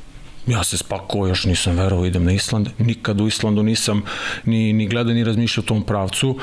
I onda kad smo otešli tamo, kad sam ja to video, doživeo, šta je u stvari, to je ono, ne mogu ti opišem. Taka, taka, taka zemlja, takvi kontrasti, takva priroda, take promene vremenske, znači to je, to je ludilo. Znači bukvalno je mislim i mesec dana da bi ljudima bilo malo da, da obiđu celo. Mi smo imali 10 dana i poprilično smo videli, ali tad sam ja još bio i ovaj Novajlija u fotografiji i svemu, tako da ono, bukvalno čekam dan kad ću opet da odem, jer mislim da sam malo porasto što se tiče ovaj, fotografije videa i da ću to mnogo bolje da dokumentujem, zabeležim i drugim planom i redosledom da doživim nego što sam sad. Ali eto, kao bilo nam je stvarno i super zezanje i videli smo svašta i hajkovali i uživali predobar bilo. Koje godišnje doba bilo kad ste bili gore? E, to je bila jesen, novembra mislim da je bio. Mislim, ono, kapiram da je gore, on, ajde, pa kažem, gore sad godine... u oktobar, novembar, e, septembar, oktobar, novembar je u fazonu da se vreme menja, ja mislim, na svakih pola sata ti moraš da praviš vremensku, pratiš vremensku prognozu, jer sad je kiša, za 30 minuta je sunce, razumeš? Pa onda za 30 minuta duva takav vetar i onda opet kiša, on, samo se menja konstantno. Imao te preseče i sneg neki? Pa sneg nismo doživjeli, bili smo do duše na glečerima, ali ovaj ali nismo ga nismo ga dočekali. Tako da ne znam, treba izbegavati taj jun, jul, avgust, realno pošto je puno turista i sva ta turistička mesta koje su manje više dostupna ovaj sa sa puta i da ne treba da se malo zavlači, to treba generalno izbegavati. Za, neko, za neku fotografiju ili video, jevi ga ti odeš tamo taj olupin aviona na crnoj plaži, šetaš 4 km u jednom pravcu, dođeš i tamo 60 uh, kineza, be. I šta ja uzem da tu fotkam pa da se skidam, ništa, ono. nema ništa. Tako da ono kao što su ovaj, Katarina i Uroš uh, išli sad na Island, Katarina Mandarina ovaj, na Instagramu i oni su bukvalno gađali te jutarnje varijante u 4, 5, 6 ujutru kad, nema, kad nema nikoga, pritom je još dan i jedino tako može da zabelešiš nešto lepo. Pa, upravo si to, te turističke atrakcije, sve to turisti... Nema, dođeš tamo četiri autobusa vodopad kojih ima preko 10.000, dođeš tri autobusa e, i dođem jednom. tamo, poklonim se, pogledam i ja i dalje. To je to. upravo si. Imaš, imaš ovaj, što bi se reklo, zapravo što se toga tiče, treba izbjegavati te turističke destinacije kad je ovaj kad vreme, kad je pogodno vreme treba tražiti ono kad ovim normalnim turistima ne pada na pamet da krenu na... Pa da, pa da, samo da ti ne pada kiša da možeš da, da normalni da vidiš i da prošetaš i da, da doživiš to. O, ono što si ti napravio, par fotografija i video što si ovaj, postavljao, izgleda fantastično. Ma, mislim da ne može ni 30, 20-30% da se to dočara kao što je uživo. Znači, mi smo seli u, ujutru u auto, izašli posle 10-15 minuta smo stali i izašli ko četiri debila i izgubili dva sata na put i sa strane zelenu travu i na, na crnom vulkanskom kamenju i ajde digni drona, ajde fotka, ono ništa, samo put, znači to je neverovatno kakvi prizori nam. Ti moraš ono do debelo da zacrtaš koju lokaciju ideš da ne bi gubio vreme usput, jel te sve priliči da staneš, da fotkaš, da vidiš, takva je zemlja, neverovatno. Od termalnih voda, banja, uh, ugašenih vulkana, aktivnih vulkana, vodopada, pff, perverzija, perverzija se penjali neki vulkan? Jesmo, peli smo, sad smo zakasnili na 6-7 dana ovaj, smo zakasnili na, na ovaj, da vidimo ono lavu, da kažeš, pošto se ugasila, mislim, ispod tog kamenja i dalje lava aktivna, to sam doživao tako što sam, jel te, debil koji se spustio dole do, do kamenja i krenuo da pešači po tom kamenju. I u jednom trenutku, posle nekih desetak metara, je taka neka vrućina krenula da izbija od ozdo, imam snimak, ja sam bio samo u fazonu, druže, okreni se i vrati se nazad, debil. Majke. Da. Jebe. Mislim, svi to rade, ali jebe, kao, ajde, ne razmišljaš, razumeš, prvi put vidiš ono kamenje lava, neinformisan magarac i ajde kao da prošetam. Kak je prošetao, protrčao i sprint nazad, druže, da ne bi bilo poslednje. Vidi, je, ne znam koliko da, da, da, da, ovaj, da mi garantuju da ne radi, da je ugašen, kao pre 100 godina mislim da ne bi se spustio. Ma ne, ti misliš da je to tamo, ok, erupcija je tamo, razumiješ, to je ogromno, to je impozantno kako, kako delo kad vidiš to sve i ugašeno čak. Ja rekao malo prošetam, pa pa odjedan je krenulo da izbija od ozdo vruće, rekao vraća se nazad, druže. Nije mi bilo sve jedno, majke. Ali svakako lepo za, za doživeti, za videti, za obići. Ma otišao bi sada mi kažeš pakuj se, idemo sutra, idemo sutra. Carski. Ovdje. Ovaj, a i kad kažeš to, uh, uh, te kontrasti i to, uh, negdje sam pročitao, oko je na 128 megapiksela, ali tako? Ne bih znao. Tako sam negde pročitao, oko je kao naše na 128, a kamere su ono i dalje tu štekuju 22, 24, 48 tako je, da. Možda su sad izbacili telefon sa 108 piksela, mislim sad imaš telefon sa 108 piksela, tako da Približava se. Približavamo se. Tako da ćemo videti. Tako da neće trebati oči, je tako? Stavit ćemo dva telefona na glavu. Ćao. Instaliraj mi ovo 200. Ovaj... Koliko? 576 piksela. Lep te jebo. 576 piksela. Evo vidiš, onda sam pogrešio za cijeli... Nema veze, opet, brate, da izbaciš. Ali da. Tu smo. Zanimljivo. Ajmo sad malo, pošto ovaj je bio malo poveći uvod, ovaj... O, zar ovo nije već razred da druže kakav da, uvod? Da, da se dohvatimo i... Trebali smo da zamenimo košarku prva da bude, a da bude Pa dobro, nema veze. Život nema, pre i posle košarke. Nema veze, da, ovo je bio život posle košarke. Da. da znate da je mnogo lepo i posle košarke, a da sad čujemo kako je krenula ta košarka, kako si ti zavoleo basket, ko te naterao na to? život. Težak život. Ništa, kao klinac, Burazer, imam Burazera Aleksandra, stariji od mene četiri godine, mi smo ove, rođene sa Rajlije. 88. 89. slučajno se pre, preselili za Kraljevo, Ćale iz Kraljeva, vojno lice i onda je on trenirao tamo košarku, sloga, mašina, covonu i ja uz njega nekako se palio, trenirao, klinački i onda smo se preselili ovaj, za, za Beograd. Tu mene Ćale, uh, mislim, najviše to je Ćale forsirao tu priču. Uh, ono, hvala mu, bože moj. I ovaj, uh, kad smo se preselili za Beograd, upišem, upišem me Burazir, ne znam da je tad bio, ne mogu se setim, upiše me u e, Partizan. E, barem smo mislili da je Partizan, pošto ja kad sam otišao na trening vidim, ono, to je kovana škola 20, 20. 20. oktober, Novi Beograd, Vidim ja, ovi svi zovu profesore, profesore, učitelji, učitelji, profesore, jel ovo, brate, košarkaški klub, partizan, ili kao, ne, ne, ne, ovo je škola košarke, partizan. A, rekao, ćale, bre, ispisuj, nije ovo partizan, ajmo dalje. I onda, sme, onda smo krenuli u B patrolu i tu sam, tu sam bio ne znam koliko godina i tu sam krenuo da stičem ono neke prve ozbiljnije ovaj prvu ozbiljniju sliku o košarci, šta je zapravo košarka u Slobodana klipu i od tada je krenulo, kažeš, eto. Se od Slobe klipe sve krenulo? Od Slobodana klipe sve krenulo. Sloba klipa, da. Imaš iskustva sa Slobom, imaš. Imali smo, da, sarađivali smo. Sarađivali smo. Dobar je Sloba, dobar. Slobica. Ovaj, uh, to je, koji to period? Koje, koje su to godine bile? Šta je to? U, to sad kad me pitaš, ne bih znao to, mama, ja, ja sa godinama sam katastrofa, tako da, da ne znam. Imao si, pretpostavljam, neku maštu, ne, neke uzore kad si kretao... U, uzorke, imao uzorke. sam, imao sam uzorke. Ove, ba nešto, ono, klasika koji svaki klinac, uh, Jordan, Magic Johnson, ovo, ono, mislim, daleko je taj NBA i to ne trebaju se deca zaluđivati s tim stvarima. Ovaj, ali imao sam ono uzora, na primjer, Sale Đorđević mi bio jedno vreme onako posebno kao onaj, onaj period Indianapolisa kad smo krenuli da osvajamo i sve to i baš mi izgledaju kao lideri, kao igrači, kao glava, osoba, sve. I onda ono, više sam volao da se u, ugledam na nekog realnijeg izbog života o, ovaj, iz Srbije, da našeg igrača, nego na nekog, da kažem, ajde, afroamerikanca sa druge strane. Da ne kažemo. Da. Nešto drugačije, da ne kažemo. I ništa, to je to. Posle prelazimo, ovaj, kako se zove, u uh, prvi profesionalni ugovor Crvena zvezda, Zmago Sagadin, ja klinac, 17-18 godina, to je prošao sam školu sa Goranom Stevanovićem, uh, Crvena zvezda, drva markete, mislim da je to bilo juniorski neki pogoni.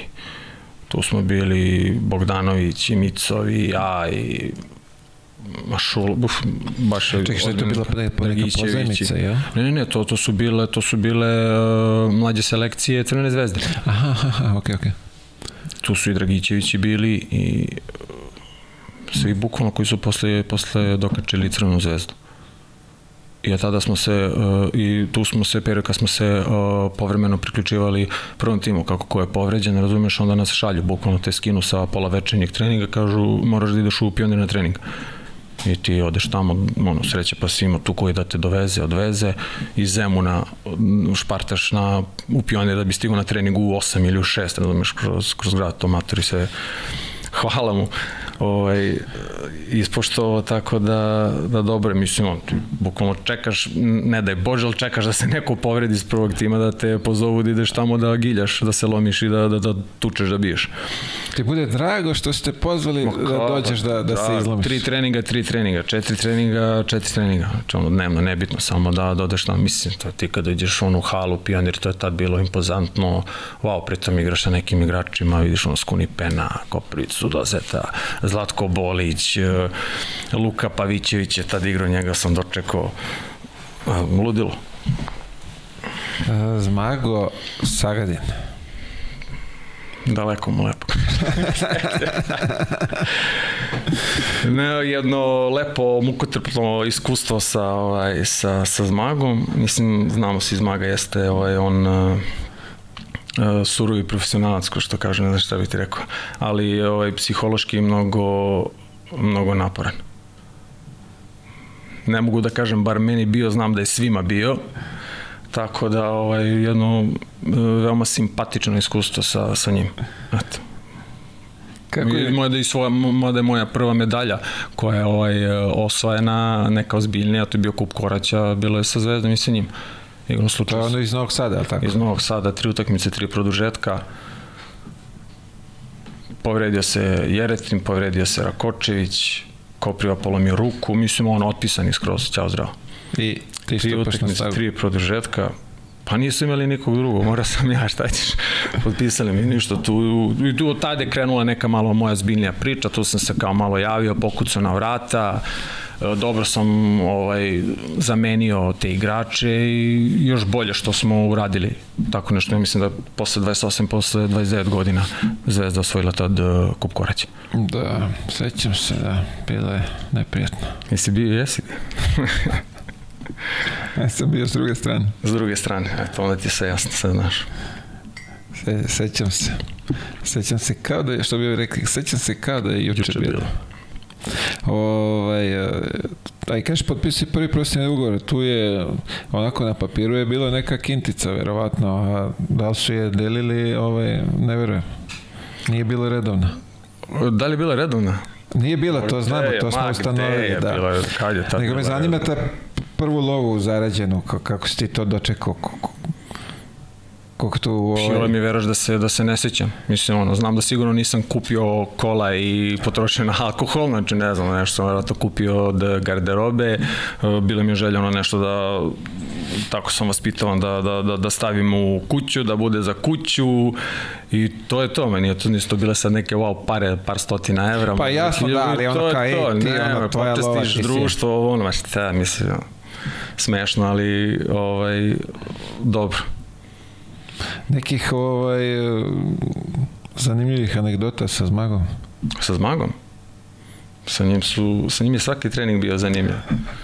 Ne znam šta, ne, ne, ne, mogu, ne mogu da se setim toliko, razumeš, ono, Kopriva je najviše njega volio da, Kopriva i Dozec su njega najviše volili da, ovaj, kako se da ga čačkaju, razumiješ, ono, tu scouting neki bez veze, priprema za utakmicu sutra, ono, svi smo 100% u glavama u tome, zmago za Japuren, crven, objašnjava ti vamo, ti tamo, njemu je bukvalno svaka noga morala da ima ugao, svaki blok ovako, onako i sad nešto pričamo kopriva iza njega, naravno, te brat, on ne zna ste gde, to je brat.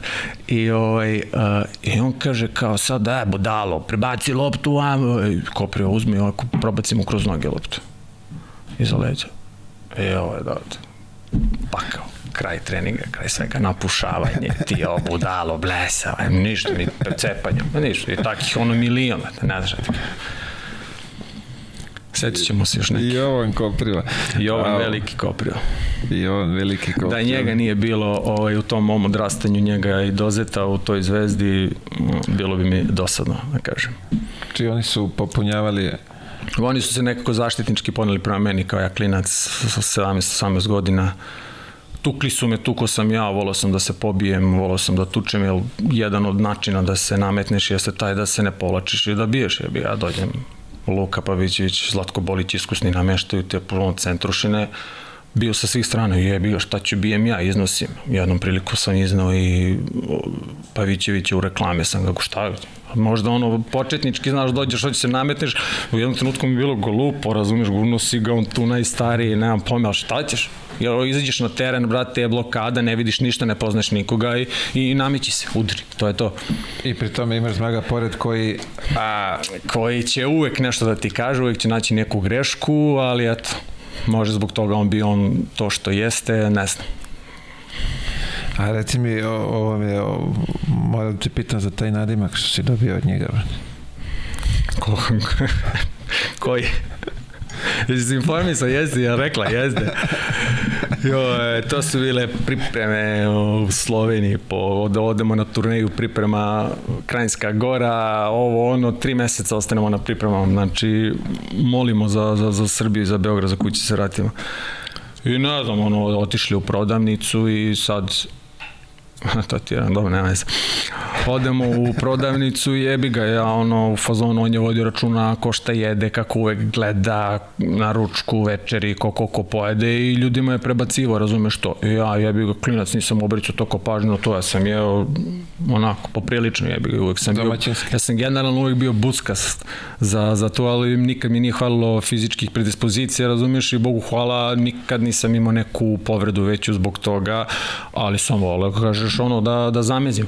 I onda on mene nešto video, sam se ja vratio s prodavnicama, mislim, i taj Vuk Radivojević se isto vratio sa dve kese pune čipsa i ono junk fooda i sve to, imali smo neki sastanak i onda je on uzao mene na tapet kako me nazvao, brate, bombica, nešto, ti si mali tempirana bomba, samo se čeka kad ćeš da pukneš. I ovo je rekao, te bre, što je ništa, ostalo to tempirana kao bombica, mada me niko nije zvao tako, ali eto vidiš, zaboravio sam na to dok me ovaj, kuma nije podsjetila. Ali tu smo da, da, da te podsjetimo. Mada je rekla da te voli najviše na svetu, tako da može ne, da pozdravljamo je da. ovom putom, putem našu lanicu, volimo je mnogo, hvala ti što pričaš ove prljavštine i vidjet ćemo se polako.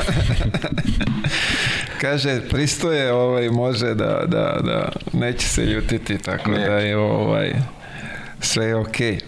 Sad je do tebe da će se ljuti, ali nema potrebe šta. To je si jedan simpatičan nadimak. Bombice. Ako si došao sa... To je zaslužio sam ga, druže, ono, bio sam bombice. Ako si došao sa, sa tim kesama, Dobro, znači to nema, ono, Coca-Cola, chips, smoki, ono najgori neki junk food. I on te vidi, ne kaže ti ništa, ono tu ošacuje te, vidiš ti po faci da si ga ugasio, Da, ono, da, sledeće da, mi, onda pitanje trening, samo- scouting neki, prvih 30 minuta, budalo blesava, eksplodirat ćeš, gle, kokisi, ti si tempirana bomba, je rekao, ono, brate, idem na integralne štapiće i to je to, nema mi više. Dobro, da, ali pazi, pre bilo, stvarno su ono vodili računa šta jedeš, koliko jedeš, ono, stvarno smo se krili, bre, ko, ko partizani da uneseš nešto u sobu da pojedeš. Kad sad kad pogledaš s ove tačke gledišta i ovog, uh, ove godine iskustva i jeste bitno. I znači upravo su što, što su bili, što su rigorozni, razumiješ, ono, te ne gazirano, ne slatko, ne gluposti, jer ti ono, kad pogledaš ta ishrana je mnogo bitna u profesionalnom sportu i mnogo ti znači. I sad je samo pitanje vremena kad ćeš ti da shvatiš koliko tu stvari bitno i da kreneš da, da vodiš ta, takav život. Mani se ovih gluposti, nezdravih i to je to. Što pre shvatiš, eh, lakše će ti biti. Pa tako je. Nekad Ali- se omrsiš jebi ga, ali eto. Ne non stop ko ja sa dve kese, ko što sam radio. Ali vidi, ti, nisi to nosi samo za sebe, ti si nosi i za druge, pa mora si malo da ovaj, Ja se ne lažemo, nosio sam samo za sebe, tako da...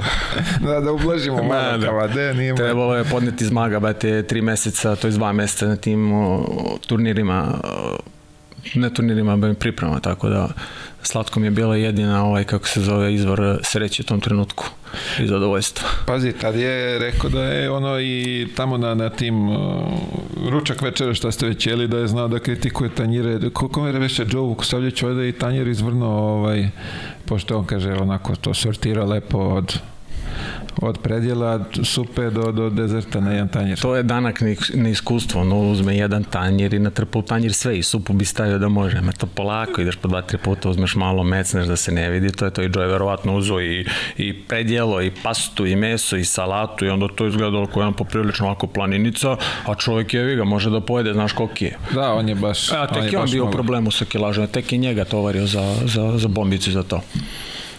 On je bio pahulja od 100 kila. Tako da, ovaj, sve zavisi. Dobro, Joe je imao, Joe je stvarno imao probleme, ono, u, Ali on se je uvijek takav bio. da. Uvijek je takav bio. Vidi, ali opet bila je ono neka dijeta vama tamo, oni ga vide kod Lokija u dva ujutru maže dve pljeke. Nemaš kakva dijeta to. Ako on ne želi, ne može Pa to ništa. je to, to sve. je sankcionisanje i po džepu i dodatni treninzi, kazneni i priča i sve, ne vredi. Isto ko za dozeta, samo druga priča. Dozet nije mogao, na primjer, da se ugoji nikako. Jedi, gledaj, daj mesa, daj proteina, batazi, on ići ne zna s koje strane da mu priđe. Čovjek, ne možeš, čovjek je ovakav sajla, ne možeš se ugoji ništa. Znači, vidiš mu svaki mišić je iscrtan i to je to. Ali dečko igra tako, brate, i igra na visokom nivou i ta, to mu prija, razumeš. I ne vredi, nema šanse. I sad je isti takav. I sad isto skače kao što je skako pre 10 godina, razumeš. Pa ne znam, sad je ovim, ovim kako se zove, foteljama, ne znam da li se u, ulenjio. Pa ne znam, ja pre možda godinu, dve, ja sam igrao basket sa njim u Vizuri to je to. Dobro, pre dve godine nije bio u fotelji. Dobro, sad dve, tri, ajde. Sad je u lupam ja. fotelji, sad je u fotelji, ovaj, ima funkciju, kapiramo da nije, ovaj, da je malo... Nije toliko aktivno, Da, da, da pa je da. splasnula. Uh, znaš ti tačan broj klubova, brate, koliko si nastupao? Pa ne bi znao. Mora bi to da proverim. Pa ja sam nešto provjeravao, pa mi sad onako delio mi nerealno. Pa nisam više od Varde, sigurno. Pa koliko je var? Pa ne znam, ali znam da nisam više od njega 100%. To treba da Da je izmenio, pa to treba uporediti. Vidi, kod tebe sam tamo našao 24 kluba. A ne bi rekao da je Varda. Ne bi rekao, mislim da si... 24. Da si, da si ovaj, i njega Vesa. prebacio. Veselo, pa moguće. Uporedit ćemo to pa posle kad se završimo, baš da uporedimo. Da otvorimo Google pa da vidimo Varda, Varda da kaže. se javi sa koliko je klubova aktivno igrao. Aktivno i u koliko zemalja. Ovaj, pošto je tu sad onako, što bi se reklo malo, poduža lista, uh, gde si onako, da kažeš, stvarno uživao u košarci i, i u životu, pored košarke? Koje su to zemlje, klubovi, šta je to bilo?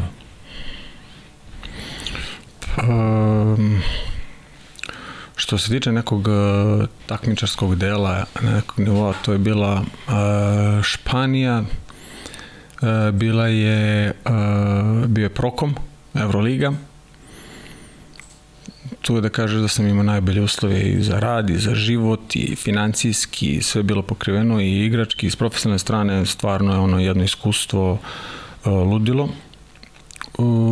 Slovenija mi je bila dobra, uh, Podgorica za divno čudo, bio sam skeptičan što se tiče tog odlaska u Podgoricu, ali eto, tamo sam isto stekao uh, dosta prijatelja i poznanika i ostao i dan danas u kontaktu ono, sa njima koji naravno i svakog kluba, ali eto kao ajde da kažem u mom sećanju su ostala uh, Španija Prokom, budućnost Slovenija, duše svaki krene da nabrajam, svi su ostali, ali eto za sada, za sada to. Zvezda naravno na prvom mestu, prva ljubav i to je to. a, kako se zove? A, Navedi mi još neki klub, možda sam zaboravio. pa ne mogu, brate, ne mogu, vidi ovde toliko bilo da, ono, ovo se ne može sve navesti, tako da sam ono... Nisam, Nemamo toliko nisam vremena, Se, da, dobro. nisam se ovaj ni...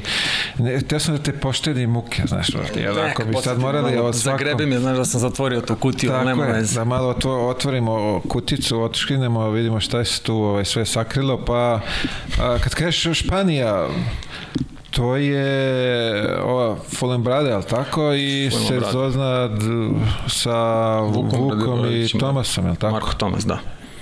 To ti isto, ajde kažemo, ono, olakšavajuća okolnost, imao si njih pored. Nisi... Pa imali su oni mene pored, s obzirom da sam ja prvi došao. O, A, šalim se, Mare tamo bio već u Španiji duže vreme i naravno nam je bila i o, Lana, by the way, bila tu trudna, tad smo se i upoznali, Vuk i nekako mnogo ti lakše kad imaš nekog svog, znaš i sam tu ne valja da nas ima mnogo, ali eto, dovoljno, razumeš, da možemo da se podružimo, da, da, da podnesemo ovaj, e, svaki trenutak što samoće, što teško, sreća, nesreća, da budemo zajedno i ovaj, ono, značila mi je. Tako da, da, tu smo se ovako malo više i konektovali, spojili i od tada smo baš počeli onako da se družimo intenzivno. Kako, si, kako se svidela ta košarka tamo njihova? Pa znaš kako to je bilo, koliko, 10 godina, evo, 10, 15 Pa, malo više, malo da. više, 15 godina. Brzo, dinamično, eh, jako, intenzivno, meni je odgovarao i ovaj, ja sam eh, čak u početku tom predpripremnom, predpripremnom i pripremnom periodu pokazivao eh, jedan zavidan nivo igre, razumiješ, i totalno rasterećen i ti turniri, posle svake utakmice ti dobiješ neku nagradu za najboljeg igrača, najboljeg MVP-a, ja ono, dobio od nekih 5-6 utakmica 4, ono nagrade, stvarno me krenulo, posle reprezentacije ta došao, super. I onda je tu nastupila O, mislim, igra kao igra, ono, da skratim, nešto što meni uh, i mom uh, tempu najviše odgovara. Uh, ovaj, I ništa, onda mi je tu nastupila neka, nije neka, nego sam uko, nauko povredu ahilove tetive, to je stolenica tetive. I ovaj, nisam... Uh, Nisam uh, konkretno bio lečen za to, pošto je dijagnoza bila da ja ovaj nemam problem i da mene tetiva ne boli. Imam nešto, ali nije to ništa strašno. E, Dobio sam neke inekcije u tetivu, koje nisam znao ni šta su, ni da su, da li su kortikosteroidi ili e, blokatori, najvjerojatnije su bili blokatori, nemam pojma, do, došao sam do tog stadijuma toliko duga ta agonija bila da sam bio fazonu dajte mi bilo šta samo da igram, da mogu da pokažem ono što sam pokazivao, jer ovako znaš sam kad si povređen kompenzacija nije to to. I ništa, tu sam u neki mini sukob ušao sa trenerom, standardno on meni ne veruje da sam ja povređen, e, misli da sam ja tu došao da se foliram, nemam pojma, dvogodišnji zagarantovani ugovor. Međutim, ja preko Liko, Nikole Lončara, ovaj, on mi pomogne, e, odem na, kod doktora e, futbolskog kluba Atletico Madrida. Posle, ne znam, pošto mesec, mesec nešto dana. I on meni, dečko, kaže, vidim, tetiva mi je ono za trećinu veća od desne i ovaj, da, imam, da mi su palila ozbiljno ta olenica oko tetive i da ja ono ne smem da treniram, da moram da imam adekvatne terapije koje tamo nisam imao, razumeš, znači mene ovo rukama i onim pištoljem nije mi ništa pomagalo. I morao sam pravim pauzu, sam sam išao kod nekog tog njegovog fizioterapeuta gde sam se osposobio, razumeš, posle, ne znam, dve, tri nedelje, razumeš, ti terapija, ali je tad bilo kasno, kasno da, razumeš, i onda je trener bio fazonu doće da me promeni, ali neće uprava. I uh, ti menadžeri svi su bili za to da ja da ja ovaj uh, ostanem, da uh, idem na pozemicu tu neki klub ovo ono. I mislim da sam tu napravio prvu svoju kardinalnu grešku gde sam tražio ovaj raskit ugovora slušajući sa strane ovaj manje iskusne ljude, a ne one koji se razumeju to. E, tražio raskid ugovora i posle par meseci bukvalno ono, odem, zaglebim u još veće sranje da izvineš u Grčku mesec dana bez para, bez ičega. I tu sam negde možda malo izgubio put, razumeš, ali to je neka, mislim, Gurke priča baš o tim greškama, razumeš, ali i o menadžerima i o svemu, tako da ono, tu je ta neka greška nastupila od moje strane, mislim, dvogodišnji zagarantovani ugovor, da ne pričamo o sumi, Španija, ti kad uđeš u Španiju, to je to, posle se samo šetaš levo desno, ako i ole znaš da igraš nešto, a znao sam. I eto, to je to, što se tiče Španije. Uh, ajde, vidi, prošao sam, prošao sam slično nešto tako, tako da... Been there, done that. Tako je, nažalost, šta da radimo, Nećemo tako je tura, priča. ali život dole... Prelepo. Madrid, predgrađe Madrida, 20 minuta, ludilo samo što sam ja tad bio debil i nisam, na primjer sad sa ovim stavom i ovom glavom da, da, da, da me baciš u to vreme, pa ja bi ono išao, gledao, putovao, ne, me, znaš, nemaš vremena samo da odmoriš, samo malo da prošetaš, restoran, ovo, ono i to je to. Ja mislim Madrid, ja nisam vidio od Madrida nima sem noćnog života. Pazi sad, da se vratiš tamo, da imaš uslove te koje si imao u to vreme, tim ugovorima šta već i da imaš svo ovo znanje fotografije i videomata editovanja i čuda. Gde bi mi bio kraj? Pa ti bi, ti bi snimao ovaj novi Kaza de Papel. Pa, brate, Ne znam, ne znam šta ti kažem. Samo, dobro, da, ne samo možeš... malo vremena posvetio da ništa nisam video, što je tužno, razumeš, toliko, to, toliko smo proputovali, toliko, toliko smo imali prilike i da, da vidimo, da doživimo što ono jedan običan smrtnik da kažeš može da zamišlja samo ali ništa šta ti dođeš hotel soba malo prošetaš ne, ne to, interesuju te te stvari pazi to ću ti kažem ti bukvalno kad ideš na put ti nemaš vremena da vidiš nešto Ma ne ide put ili na primjer da igraš, ja sam igrao na primjer u Španiji, ali nikad me nije privlačilo Dobro, da odem da, u Madrid da. dva dana Kad si ne ide stacioniran, onda okej, okay, okej, okay, da. To sam I, ali pazi, to je opet s godinama, ne, ne možeš sve ono godinama, sa, bukvalno. lupa sa 20 da te zanima i ne znam nija šta da vidiš u tom gradu i kao sa 35. To je stvarno i tad si sam, nisi ni sa porodicom, posle kad dobiješ porodicu, onda ideš druge stvari, pa, gledaš da. druge stvari, te zanimaju, tako da je... To ovaj... mi je ovaj- malo, eto, žal ostao, ovaj, što, što nisam uh, malo više bio posvećen tome da, da odem, da vidim, da doživim, da pogledam. Pa može ja, da fotka. Pazi, meni padalo na pamet da bi bilo lepo sad sa porodicom, da proputujem sve gde sam Isto, isto, znači bukvalno ne moram sve, ali eto da kažeš bar jedno 60-70% onih gradova za koje ja mislim da sam propustio dosta tako da imam šta da vidim, da odem sa njima, ono bukvalno 3-4 dana svaki, pa tako da putem. Što tako nije isključeno da neću raditi. Ali to bi stvarno ovaj, to bi preporučio svima da, da urade koje u mogućnosti koji završio karijeru posle sa porodicom pa sve. Pa čak i da pogleda utakmicu tog kluba, eto. Na primer, možemo. No, I da to stavimo ovaj, u, u paket aranžmana. Da, da, da. I da Sve ćemo da bukvetimo. ne, ali mnogo smo bre, mnogo nismo iskoristili taj period, nismo, nismo videli tih nekih stvari, nismo obišli, a bili smo u mogućnosti. Mislim, što bi ovaj rekao, bilo nam je tu ispred nas. A to je ona standardna priča nama profesionalnim sportistima je lako, mi putujemo, mi igramo, mi ovaj uh, zarađujemo, a u fazonu ne znaju drugu stranu te medalje, da kažem, koliko je tu potrebno samodricanja, požrtvovanja, uh, nisi s porodicom kad dođe, pa ono, to je pakao, znaš, tako da ima sve svoje vrline, ima i mane, ne, ne stigneš jednostavno, ne možeš, kako ko ti misle da možeš, nije to to. Jel Ali... ono moraš se posvetiš e, tom životu profesionalnom ne sme on da, da, ovaj, da osjeti to. Ali najjače ovaj, kroz komentare sa što gledam. Šta, tolike pare za bacanje lopte na koš? Mm -hmm. Pa ja kao radim isto taj posao ovaj, neki za, za, za 400 eura. A dobro, tu se sami stručnjaci koji su prošli sve to uzduži popreko, pa imaju ovaj, pojma o čemu pričaju, tako da toga će uvijek biti. Ne, Normalno. to je sad, kažem opet, nisam bio ovaj, sad ovako malo, to sam upućen i suočan se s tim komentarima, ali neko hoće i da razume, znaš, kad pokušam nešto da mu objasnim šta je zapravo, neko kao šta, kao pa ja evo, žrtvujem se za 400 eura, pa kao šta, brate? Kao ti se žrtvuješ kao za igraš košarku pa svako nosi svoj krst tako da ne znaš tako je.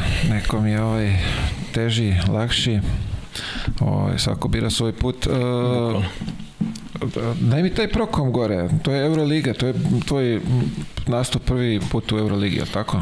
Da A to je ono ekipa liganja... kad je grmi, oni su onako ulagali lepo tu, dobre ekipe pravili. Nike sponsor, Aseko, glavni sponsor Aseko Gdinja, uslovi što evroligaški, što ovako klubski fantazija. Putuješ avionom, ono, igraš Španija, uh, Atina, ne znam s kim smo još igrali. O, mi smo tad prošli u top 16. To je ta godina bila? Da, i nisam uzao tu premiju, jebi ga, nema veze pošto sam tad napustio ekipu. I, ovaj, ali ne znam, nešto je to isto nešto približno Španiji, ali totalno e, druga dimenzija od onih klubova u kojima sam igrao što se tiče organizovanosti, profesionalnosti, e, nivoa na kom igraš, treninzi, sve ono vrhunski nivo. Oni su, Rale bio te godine s tom? Nije, nije, ne znam da li Rale bio pre, posle, pre, Gurki je bio pre, ta, tako nešto, tu smo se mimo išli na strojice. E, I oni su isto nahvalili da je to stvarno bilo vrhunski Ma da, organizovano. Da, oni su da... sad i svoju halu, ne sad, nego pre par godina su dobili svoju halu, tako da oni, bukvalno, mislim, imaju najbolje uslove u Poljskoj. Ali sad nemaju sponzora, ali tako? Nije ali više. nemaju, sećam se, Nike je bio tad sponsor i kao ideš da uzmeš patike ili neku garderobu, mi se penjemo, uh, penjemo se ovaj, u tu njihovu zgradu, oni imaju gore jedan sprat i kao ti sad ulaziš, otvaraš vrata, očekuješ kancelariju, magaci, nešto, ti bukvalno otvaraš vrata, to je pa kao, a neću da te lažem, kao pola Beograđanke, znači pola one, pola one jedne Beograđanke, kancelarija, otvorena skroz, bez ikakvih pregrada patike vamo, čarape vamo, šorcevi, podmajce, biciklističke, znači to je ono od Nike-a šta si hteo i šta si ne hteo. Ako ti ja kažem da sam pre četiri godine uh, prvu dasku vozio sa uh, Nike jaknom za snowboard koji sam tamo uzeo, Ne bi mi verao. Čekaj, bilo je Slučajno. Ono, uzmi šta želiš i koliko želiš. Ne, ma jok, kako ti naručiš ovom ekonomu, donesi mi, molim te, kao patike, uh, bele Nike hirači su tad bile, on ti donese crne. Ja rekao, ne, rekao sam bele, kao evo ti, ma ne, ne, kao uzmi ti te crne, nema veze. Zadrži. Pa neko ne treba, ma nema veze, uzmi. Pa to je klepalo se samo tako. E, ja to nisam znao, to nego ja sve fin, kulturan, pa jedne biciklističke, jedne čarape, jedne patike da sam znao. Druže, Instagram stranica ovde, Nike i Roke. Ali dobro, šalim se. A dobro, lepo iskustvo svakako. Lepo. Video si kako se poručuje ovaj Nike oprema? Video sam se i doživao. Uh, ovo se zove da te pitam uh, u, u Španiji dole kad si bio ovaj, za Bjanku. Šta za Bjanku? Češ da mi ispečeš šta, šta je u pitanju? Za Roka misliš? Što sam uzao kuće i zvao ga dva meseca roko misleći da je, mislim, oni mi ga prodali kao mužjaka, ja ga nisam debil gledao, mislim, to nisam se razumeo, ja roko, roko, roko, roko i taman počelo kuće da se odaziva na roko i Lana dođe, kaže, pa ovo ti ženka, rako, šta ženka, taman počela da se odaziva, kao ovo ti ženka, ništa, rekao, Bjanka, Bjanka, Bjanka i to je to. Kupio kuće, debil, ono, mislim, nam kuću, volim ovaj, kučiće, generalno volim životinje, ljubite se životinje, rekao, ajde, zaživeće to, moći ću da ispratim i ovaj, brzo posle te promene iz Španije u Grčku, e, nisam imao gde da je čuvam, nisam imao kome da je dam, da mi je pričuva, nisam mogao da povedem sa sobom, ja sam išao u hotel u Grčkoj koji je isto posebna priča i ovaj I onda sam bukvalno bio prinuđen posle tri meseca koliko sam je imao tada da je poklonim I da mi je neko rekao da ću toliko da plačem zbog o, kučeta, ono, ne bi mu verao. Dva meseca je bilo, nije ni tri, dva i po tri meseca, malo, ono, ne, ne znam. Teška ne pala? Mala teška priča. Ali dobro, znači to ti je rekao. Vidiš, saznao sam nešto sad. Nije sve Ništa, ali, bombarduj, tu bombarduj. sam. Kako se zove, gde, gde ti je ovaj, najmanje odgovaralo ta, da ti ono, ceo taj angažman, da je bio loš i basket i život i sve.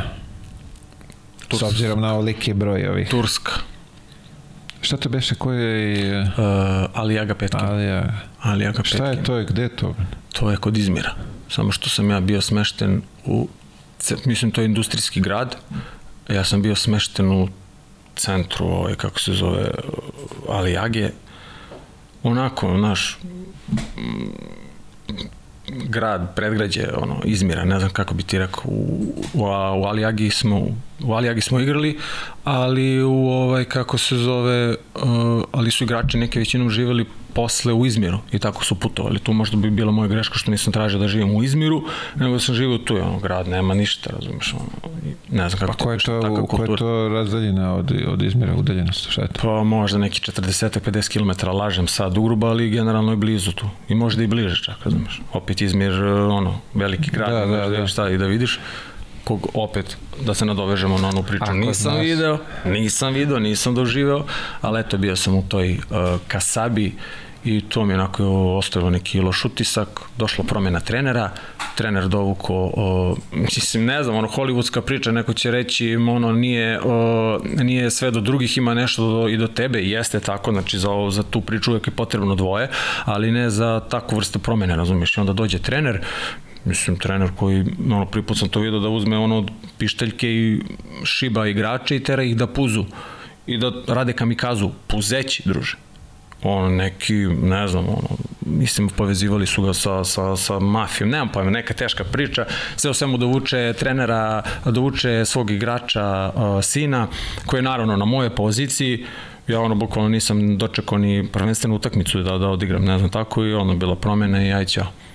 Kamikaza na... Kamikaza, Puzeći. puzeći. a on te šiba, ono, tipa ne pipneš liniju i nešto i za kažnjavanje, on te siba, šiba, mislim, većinom je njihove igrače nije smeo da šiba, Da, da, razumeš, da, da, da, kapiram. strance. I uzme i šibate s onim od pištaljke, ovaj, onim, ne, ne pištaljkom, nego onim okovratnikom i kao teracima, ono, kad sam video, rekao, beži glavom bez obzira. To bi zanimljivo, zanimljivo ovaj, bilo videti kako to izgleda zapravo. Veoma, veoma. I dalje ne mogu dočeram sebi sliku. Šta je to? Na, na, na... Ne znam, evo sad sam se setio, bukvalno sam to duboko u sebi potisnuo, brate, zato što je mnogo ono heavy priča, znaš, kao daj druže, terati šibanje, ali ne vredi. Za Iskustvo iz Nemačke?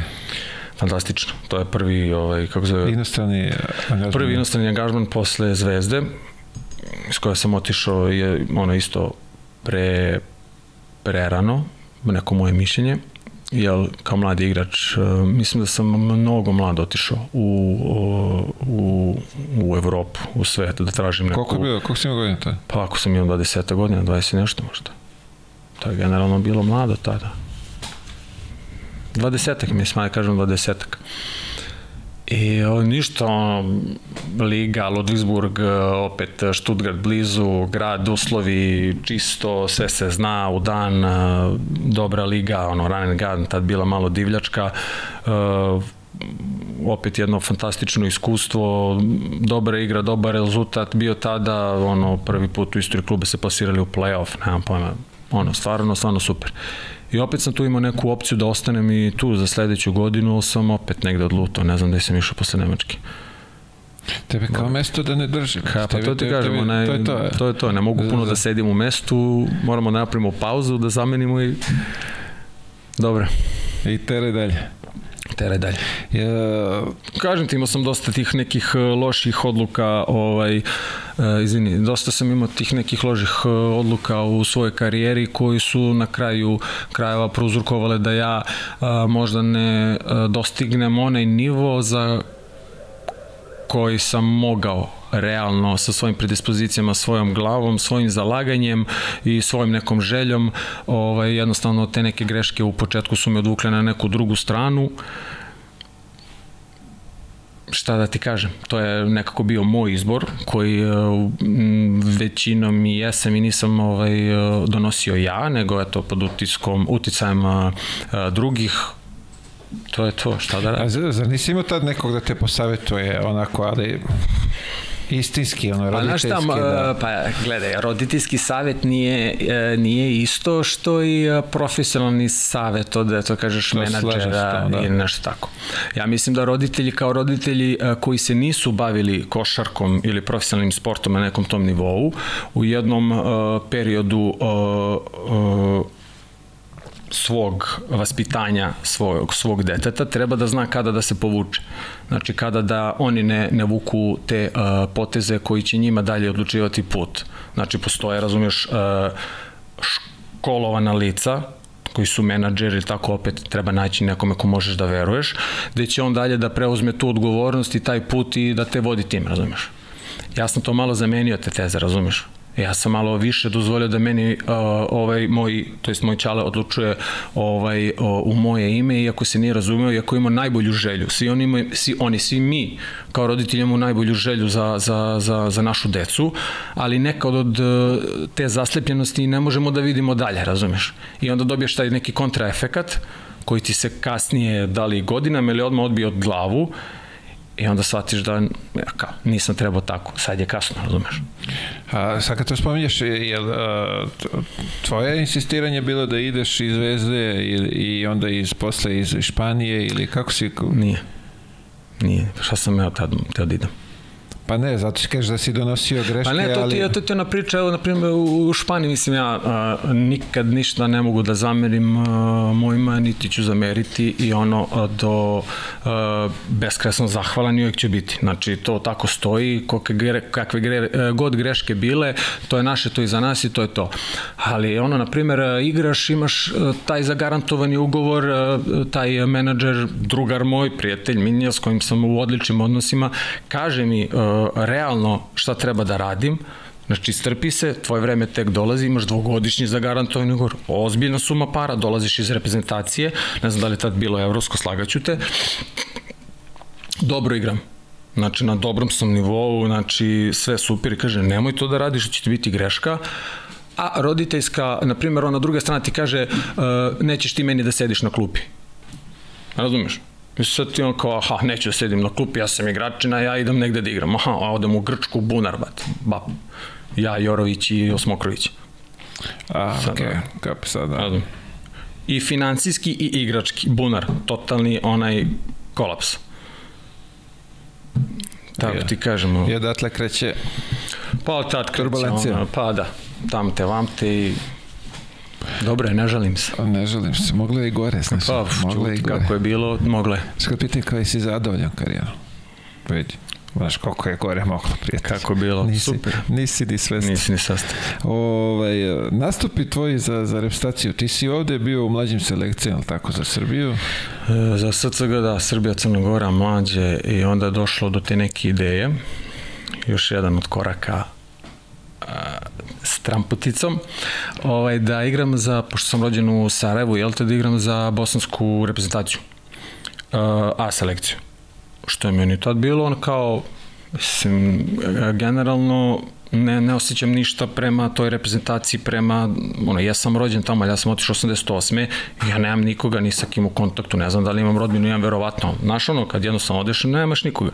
I onda, uh, strateški gledano je bilo bolje da ja igram za A reprezentaciju ovaj, e, s, uh, Bosne, nego da igram za univerzitetsku reprezentaciju Srbije, za koju sam više teo da igram. Jel ono kao bolje uh, vrabac u ruci nego golub na grani, znaš? Totalna nebuloza.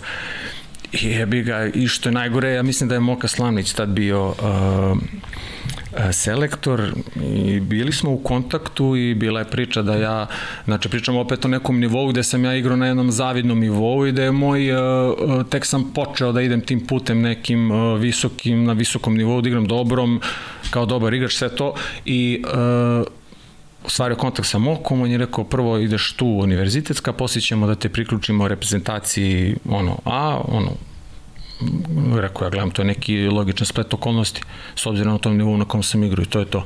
Ali ne, ja ono, slušam tu neku drugu stranu, goluba, vrapca, ovo ono, a lakše će ti biti da nađeš ekipu, 30% ćeš biti skuplji igrač, a evropsko prvenstvo se tad nije ni igralo, igrali smo kvalifikacije i eto ti, ja ti odlučim za Bosnu. Naravno i to isto jedno fantastično iskustvo. Ovo, I stigu sam do tog evropskog na kraju, možda ne bi ovako ni odigrao, ali eto, igrao sam mislim da smo bili pometeni, ali dobro. I eto, još jedna od tih... To je beše, uh, ko, koje godine si ti nastupao na Evropskom IG? Mislim da je bila Litvanija. Šta je to bre, koje je to godina? Aj, slagaću te, pogledaj. Nema evidenciju. Ja mislim da je Litvanija bila. Googluj, brate. Litvanija nije... 2007 ni, 2007. je Španija. Če može bude deveta, ne, Poljska, bre, devete. Nije, ne, nije Poljska, bi sad ću kažem. To je zanimljivo sad, vidiš, ovako kad nas uhvati, ovaj, kad nismo dobro informisani, nisam se spremio, uh -huh. što bi rekli. Znam da si imao nastup, ali ne znam koje godine. 2011. 2011. Tako. Ba, da. da. Zanimljivo. Tamo su vas ometlali svi, a? Ne, dobili smo Crnu Goru, ja mislim. Bod. Sa Pekovićem. Bio je bod u gostima. Bio, da. I onda smo ko, ko, ko indijanci slavili celu noć, bože mi, ništa mi tad nije bilo jasno, ali ono, dobiješ jednu utakmicu na Evropskom i soba i roke, bože mi, strašno. A čekaj, još ima da se igra posle? Ma ka dobro, ima još utakmicu. Mislim, dobio si jednu utakmicu na Evropskom, otišao si na Evropskom, A igra za dva dana godina, Ma ka, pa da, za dva dana, ono, opet rokanje. Ma, To, to mi je sad bilo interesantno sad na ovom evropskom kad su isto dobili ovaj Bosna je dobila um, uh, Slovence, da. da. Sloveniju i vidim da je to bilo pevanje na parketu, lude rekao me podsjeća na nešto. Istu grešku smo radili kad smo bili u Nomad. Ko je bio tada ovaj, u, u timu? Uh, Mirza Teletović, Ervin Jazvin, uh, ovaj, uh, Ratko Varda, ne znam da li Henry Domerkant tad igrao, uh, Gordić, uh, Đedović, uh, ne znam ko je. Pa lepo, zvu, mislim, onako ozbiljna imena. Ozbiljna, bre, impozantna imena. Prijelo ti je da provedeš, da treniraš, da budeš uh, deo, razumeš, te ekipe, ono, ozbiljna, ozbiljna, ozbiljna nivo. Zanimljivo, vidi, mm. svaka čast. Ja na evropskom nisam bio, ti si bio. A eto ti, pa ti vidi. Ovaj, Jesi ti bio u reprezentaciji, beš? A, jesam. Jebi ga, ja nisam. Jesam. Ali tu su isto kiksnuli, nisu ništa uradili. Ovaj, uh, Kolašin, šta se sećaš iz tog Kolašina? To smo ja i ti zajedno prvi put ovaj, Joj, Kolašina se sećam. To je bilo... Kolašina se sećam da sam trebao da, o, da sam prošao pripreme e, koje su trajale koliko, meseci po dana, one selekcije, prvo od e, okupljanja 30, pa 25, pa 20, pa ne znam, sve smo to prošli, Kolašin i bukvalno tri dana pred, pred Dallas. Mi smo trebali da idemo u Dallas, ili tako? Ne sećam se. Ne sećam se, sećam se. Ja, znači, što si ti potisnuo ovo i ja sam to... Eto ti, ono, trebali smo da idemo u Dallas, da dobio vizu, što je sad veoma ovako teško dobiti. Američku sve idemo, euforija, super, prošao sam, ja bih ga u 12, mislim 15 ili 12 sam bio, SCG, nije mala stvar, uh, juniorska reprezentacija, i svakako već napravljena, napravljena neka selekcija, ostane tu još jedan igrač, da ga ne imenujem, ovaj, uh, i ostavi ga uh, koji je bio selektor tada Karadža. Karadža. I ostavi ga Karadža tu da da trenira, ovaj još malo tu da propomogne pošto idemo za 2-3 dana. I neki trening bez vezne, ja odbrana, ovo ono digo ruku i kako sam digo ruku on napravi fint ovako da doda loptom i mene pogodio mali prst i pola mi mali prst. I tako ti ostanem i bez reprezentacije i bez Amerike, tri dana do Dallasa, od momka koji nije u reprezentaciji, nije ni ostao u reprezentaciji, i ono, digni se i posle toga, razumiješ? Da, da, da, to je bilo malo ovih bolnih padova. Pa, dobro. Kako si prevazilazio te tako teške, teške momente? Pa nikako šta, ono, kao klinac je, št, ne znam, ne znam kako bi ti rekao. Ono, izbedačiš se, zatvoriš se 2, 3, 4 dana, e, kukaš, plačeš e, i onda shvatiš da nemaš ništa od toga, sačekaš da to prođe, posetiš se još jače nekim stvarima koji si radio, što se više posetiš preće da te prođe, gruvaš dalje, to je to šta sad imam od toga, kukam, plačem, nisam otišao reprezentaciju, ja, ja sam to i zaboravio sad, znaš, toliko sam potisnuo i ostaje to iza sebe da nemaš ništa od toga. Što pre uh, prebrodiš, što pre će ti biti lakše da se, da se vratiš. Jasno. A, ovo me zanima, jesi ti, bre, ajde kažemo, prvi igrač odavde koji je nastupao u Hrvatskoj? Jesam. Mojda, kako statistika kaže, jesam. Kako je bilo u tom momentu da ti igraš u, u Zagrebu? Ne znam, ja generalno da možda nisam na, bio na, na bosanski pasoš. Na koji pasoš je Na, na išao? bosanski, na bosanski. Uh, Zagreb. To je bilo 2005. 6. Š, šest. Pa ne šest. koja je šesta bio. 2006. Pa da, to je nešto isto bilo... Kako si došao na tu odluku? Tad u tom momentu, znaš, opet je to nije... Jo, sad je je- to manje više onako... Tad mi je menadžer bila, kako se zove, Mira, Mira Polja, pokojna. E, Mira Polja važila je za isto jednog dobrog, dobrog, e, dobrog menadžera i ona mi je našla e, taj Zagreb, Naravno, svi su bili u fazonu protiv toga, protiv toga.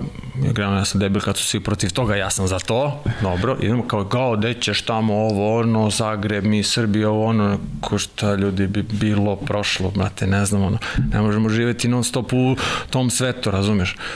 I onda nešto me to i ono privlačilo da odem, dobra ekipa bila, ono Nikola Garma, Krunoslav Simon, a, kako Ante Tomić, Ante Tomić e, ne mogu ih se popamtim sve, da. Dobro, dobro ekipicu smo igrali, igrali smo tad Jadransku ligu i dobro smo igrali, na jednom dobrom nivou.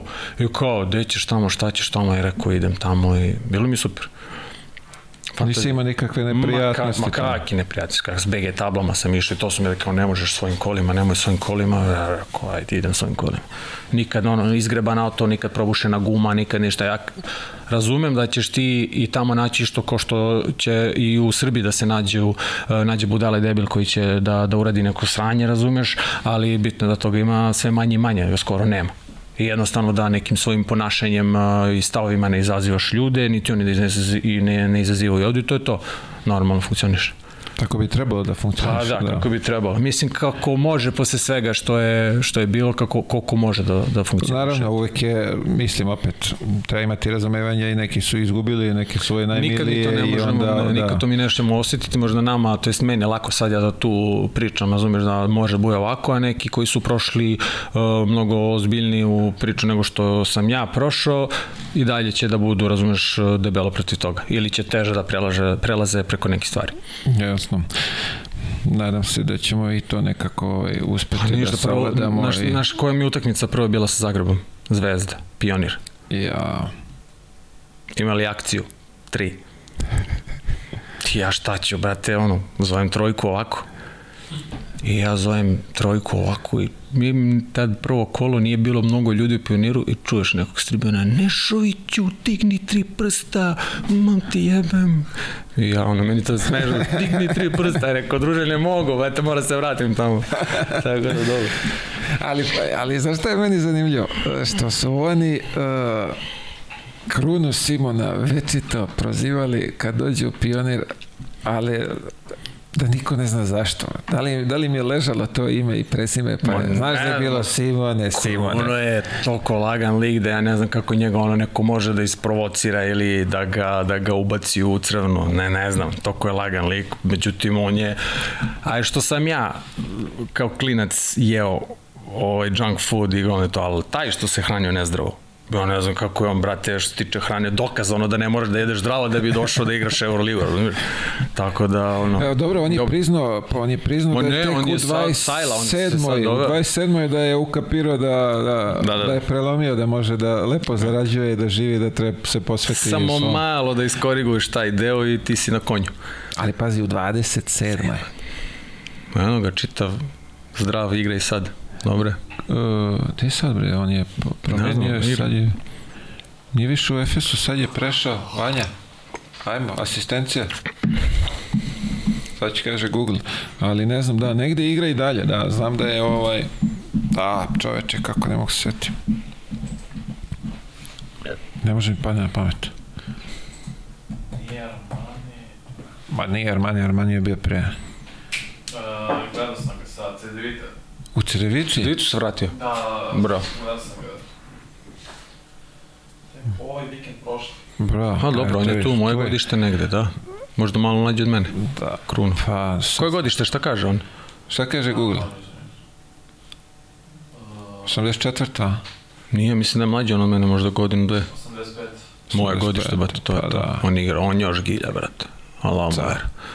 Tu je kući lagan.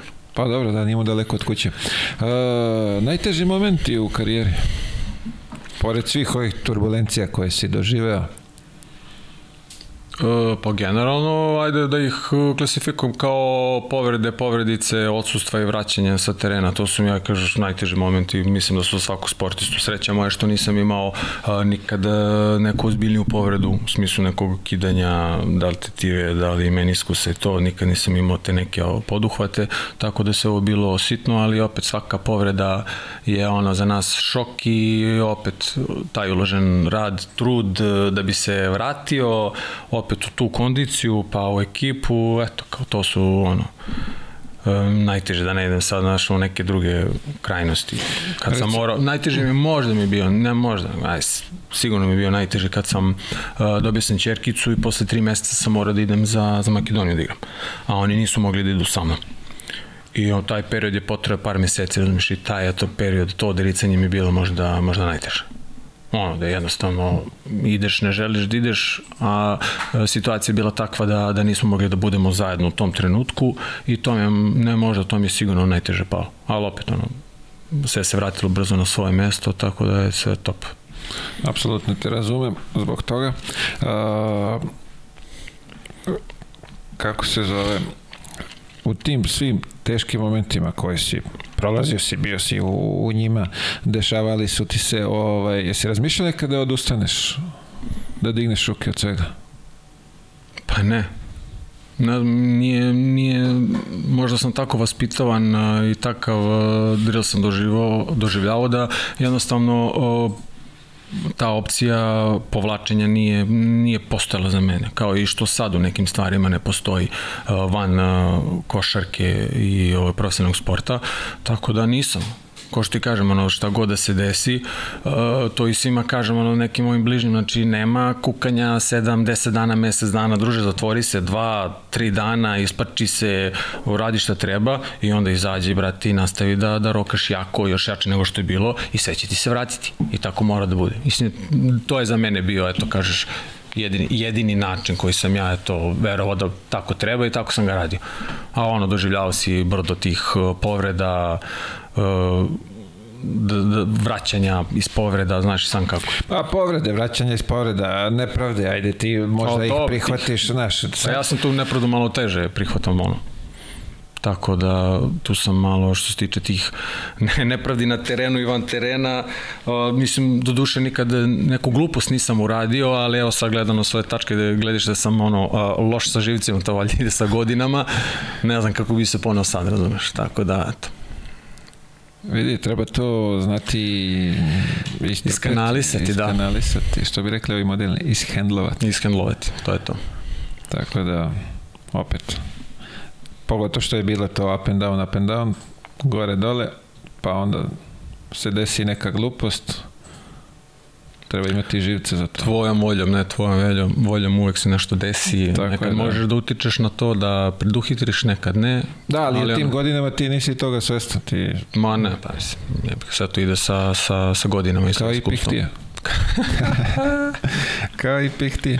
Ovaj, reci mi, si imao nekog onako igrača protiv koga ti nije odgovaralo da igraš, da, da, da.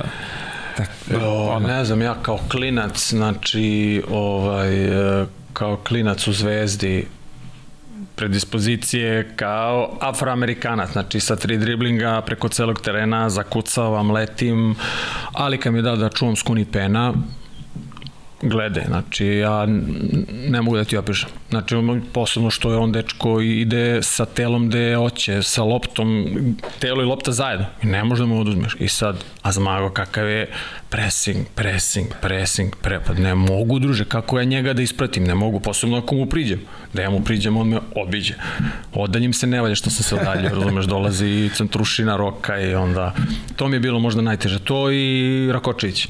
Mada sam ja njega ovaj, maltretirao, Rakoč nije, nije trpeo ovaj, kako se zove, moju agresivu.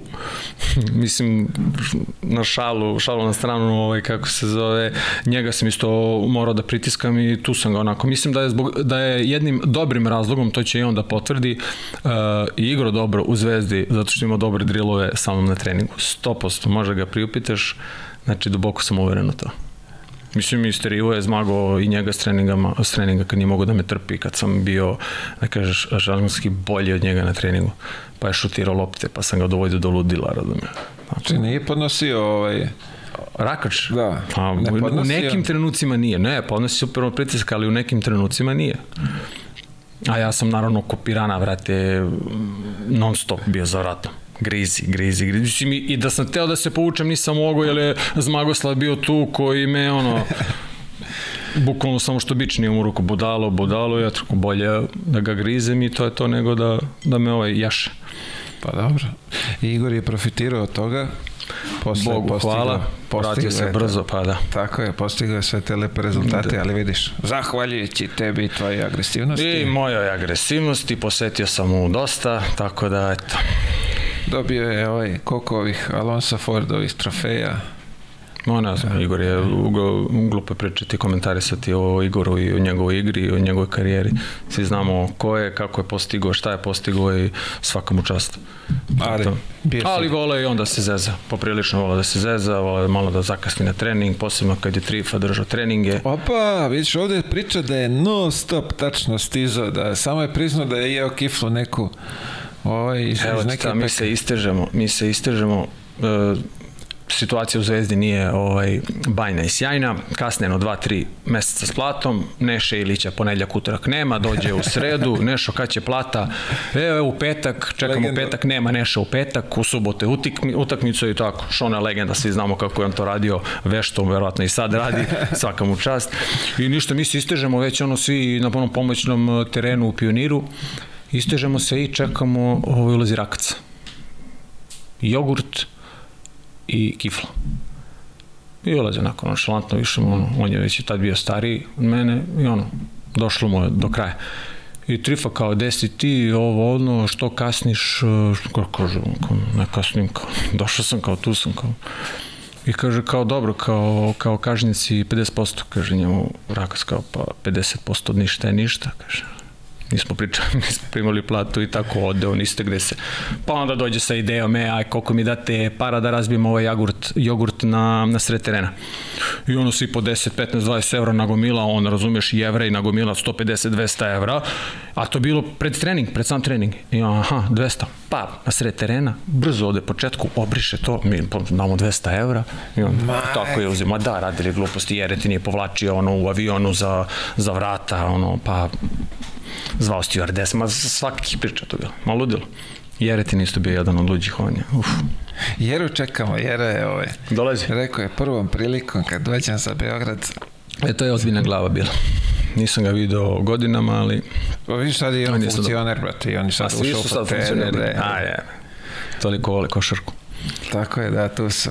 Vidi, čuo sam stvarno svo, ovaj, mnogo anegdota vezano za Ne, ja ti kažem, njegove- znači ti, znači bukvalno da uzmeš da pozoveš ovu, tu neku dva, tri igrača koji su igrali zajedno, to znači to će ti se otvoriti samo po sebi teme, znači to će da ode na 6-7 sati epizoda, ne, ne možeš da staneš. Jel uvijek ti treba taj neko koji će da, se, da te podsjeti i onda se ti nadovežeš, pa nadovežeš. seti se ovog, pa seti se onoga, ma to ide u nedogled. A, znači, Igor, a, a ovde se predstavio kao jedan fin, kulturan dečkić. On je sve A radio sad po- mora tako, s obzirom da je funkcioner, sad mora tako. Ne, pričam za, za, za Igora, za Igora. Pa za Igora, za Igora. Pa koji on funkcioner sad? Pa u Savezu bio nešto. Pa to je bio pre šest godina. Ma brate, zajebaš. Nije više. A eto ti koliko pratim košarku. Da, nije. Ja, bar ja, da nemoj da se nešto da smo pogrešili, ja mislim da nije. Seci. Seci.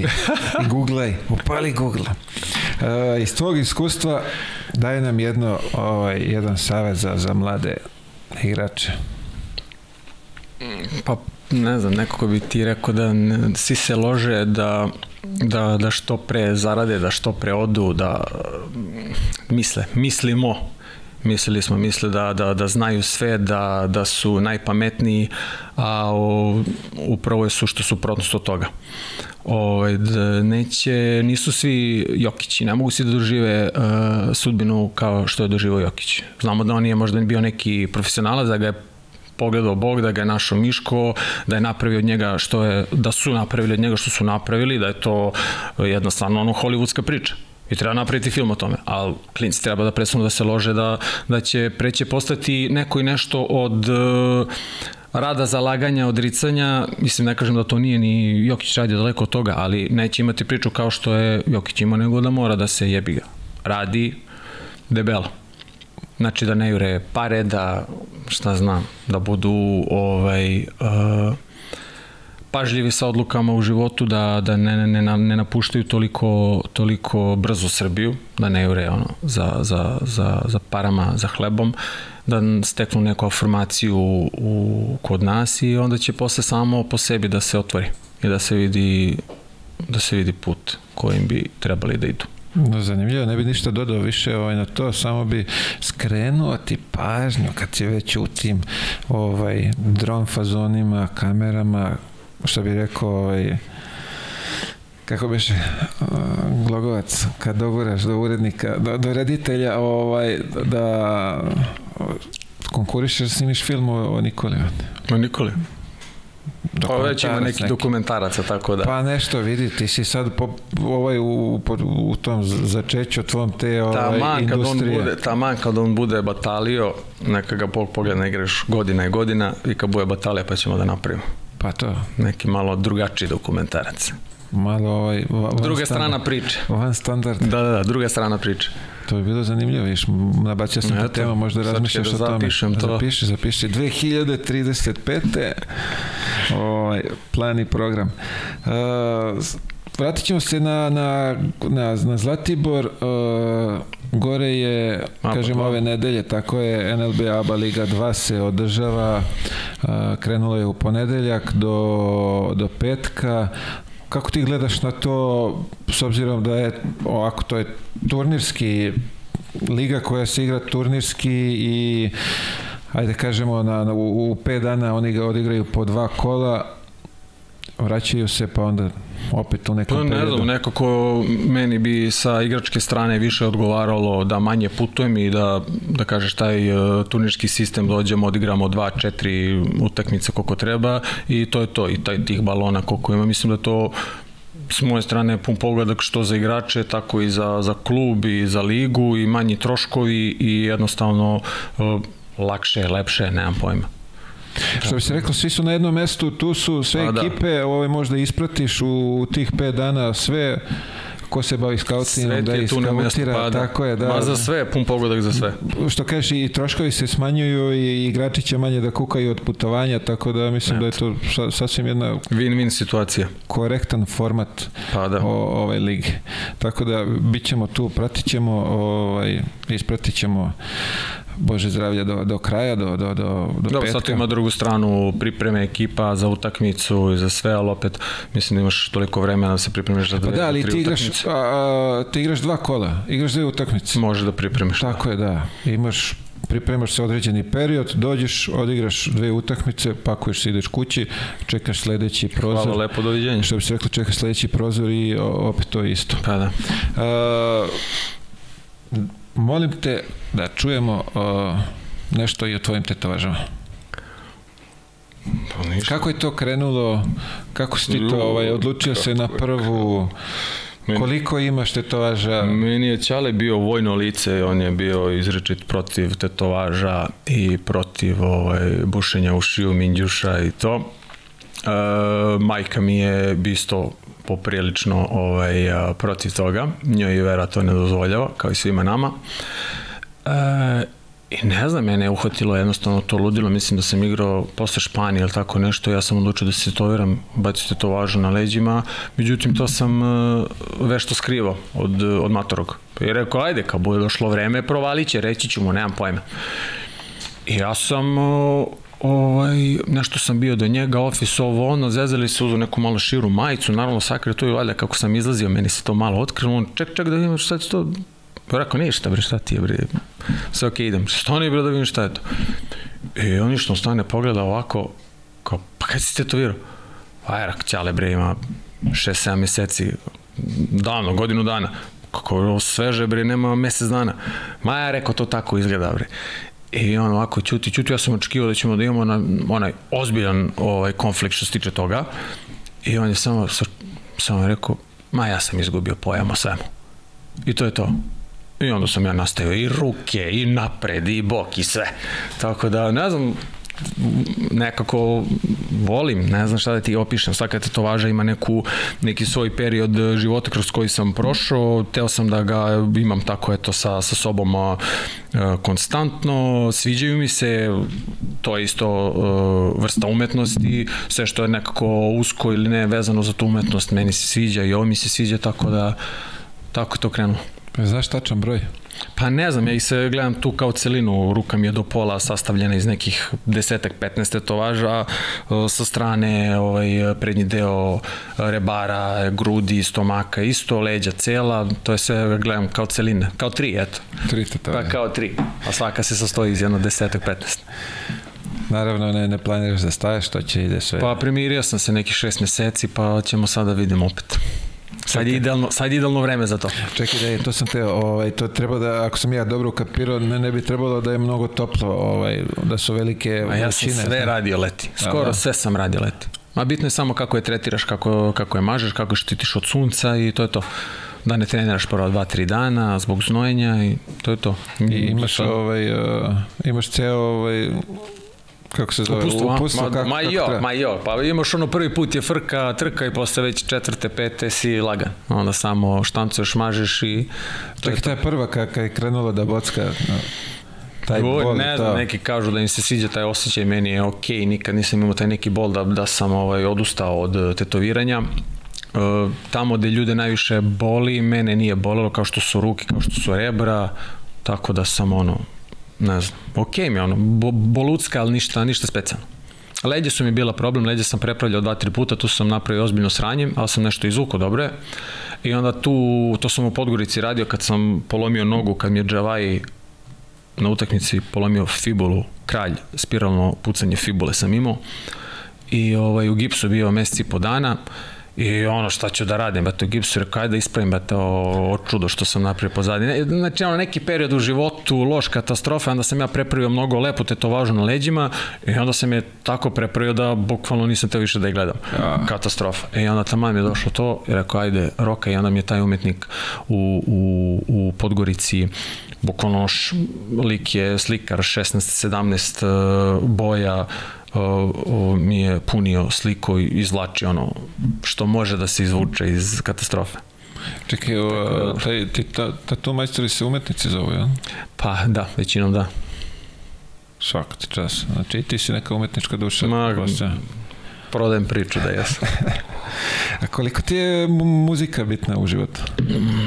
Pa poprilično. Mm, za sve ono što radim, muzika me o, ispunjava, nekad kad sam u ono, u lošem raspoloženju ili mi se nešto ne radi, ono, žargonski rečeno te diže, sve zavisi od raspoloženja, šta voliš da slušaš u kom trenutku, ja sam eto neki ljubitelj elektronske muzike, konkretno tehna i eto, to volim da slušam, od malih nogu sam volio da slušam, nekome je to nabijanje, nekome je to, to duc, duc, ali eto, meni nije. Ti uživaš. Pa eto, isto ko što mogu da uživam u Pavlu Aksentijeviću i Dini Ljubojević, ko što isto uživam, u zavisnosti od raspoloženja i kako mi šta prija, tako uživam i ome. Znači to ono, diametralno velike, vel, velika razlika, ali tako je. A, reci mi sada, koja je muzika bila ovaj, na, na, na, na freestyleru kad si skočio u vodu? skakao, nisam ja skakao, to su me gurnuli ovaj, i gurali su me svako veče su me gurali. Svako Svake ste- nedelje su me gurali. jo, to je neki period mog života kad sam bio ludi, brz, Bože me oprosti, ono, dođeš 10 meseci i si u, u, u, Evropi, u Evropi napolju, igraš, igraš, giljaš i ono, jedva čekaš da dođeš kući i celo to neko moje društvo o, poprilično smo on, zaređili ono meseci, meseci po dana izlazili konstantno, mislim i sve uz izlaske što ide, ajde, mladost, ludost, ne znam kako da pripišem tome, I radost. mladost, rudost, ladost i radost i gadost na kraju. Ovaj, I ne znam, neke meni ideje su došle da će mene to osvežiti u tom trenutku večeri. I Ja ti prijelo? Pa jeste, naravno da mi je prijelo, ja nisam svestan uh, toga. Mislim, oni kažu da imaju dole sa ili ima svašta, mogu sam tu da ne jebem, ali nije ništa bilo, razumeš? I onda sam ja, a i što sam ja skakao, nego što je pola splava skakalo, razumeš? I onda su, ne znam, posle nekog vremena ono fuzon kao nemojte skačete molim vas pošto smo mi poprilično bili ono kažeš Povukli dobri gosti ako nemojte krenut će svi da skaču mi skočimo i tu smo razumiješ imamo rezervnu opremu presučemo se i roke ma beše bilo prošlo ne ponovilo se. Ali je prijelo. A dobro, rado se, ovaj, svi se mi rado sećamo tih o, mladih dana iz te... Da, da naglasimo da je to bio onaj period odmora. Znači, kad si mogu Tako sebi da tako, priuštiš i da izađeš i da popiješ i da se družiš do kasno uveče, razumeš, to je trajalo pola meseca, mesec dana i posle ona, Vraćaš se, u, voj, vraćaš se u vojnički režim. Pa da, mislim, ja sam znao da se izolujem ono po tri nedelje, mesec dana van Beograda da idem i da radim predpripremni period samo sa trenerom i to je to. Imam u Osečini to bilo, imao sam stadion, imao sam teretanu, imao sam ovaj, uh, ishranu, imao sam teren, sve sam imao. I sam odem, izolujem se i to je to. Kad radim to, onda sam 100% u tome. Kad se opuštam, onda se opuštam. Znači sad smo u fotografiji, 100% fotografija. A tu mogu da priuštim i da se opustim. I jedno i drugo u isto vreme. Tako da se zavisi od... Znači dogovorili smo se ovako, dogovorili smo se za zimovanje, dogovorili smo se za, šta smo išli, za, za, za planinu, za učenje ovaj, skijanja. Koliko puta sam te zvao, sam teo da uzem nešto na dičibarama i nikako da, da to sprovedem u delu. Pa nikako. Dok je još, ovaj, da kažeš, Dok su eh, pristupačne cene. da, Pošto to ide sad ovaj uzlaznom Skače, putanjom. skače, da, prilično. tako da vidjet ćemo, možda nešto ti nađemo. ako ovaj, imaš neki kvadrat tu blizu tebe, neki jar, u stvari ne kvadrat, Ma i dobro bi mi sve došlo. ima, da, dogovorit ćemo se. Ovaj, neki planovi za dalje? planovi, posao, porodica, to su mi planovi. Da se što više edukujem i da ovaj rastem u ome što sam izabrao da, da radim jer e, vodio sam se onim e, radi ono što te radi i bio sam, ok, ajde ne moraš da, da juriš nešto e, od čega ćeš odmah zarađivati, uzmi nešto što voliš, što te privlači, što ti dinamično, ono što će tebe da ispuni, zaljubio sam se to, krenuo sam odmah tada da radim, e, igrom slučaja, zahvaljujući i kumovima i drugarima, ja sam se prešao to da odmah privređujem od toga. Što možda i nije ovaj kako se zove dobar a, redosled, ali ovaj ja sam krenuo da privređujem u tom i samo sam rasto, možda imam, jeste da sam ja talentovan, ali za koliko god za svaki posao treba i da imaš onaj jedan deo gde ćeš da zagreš stolicu, da radiš, da se edukuješ to. E sad me samo taj deo još čeka da, da bi eto, prešao na neki malo viši nivo. Pa dobro, dok vidi, to sve zavisi od tebe koliko ćeš želiti da se edukuješ, koliko ćeš Samo od tebe, tako sad ti je sve manje više dostupno na, na platformama, na YouTube-u, na kursevima, sve to može, su samo znači u zavisnosti koliko ti želiš da ideš daleko i šta želiš, sve do tebe.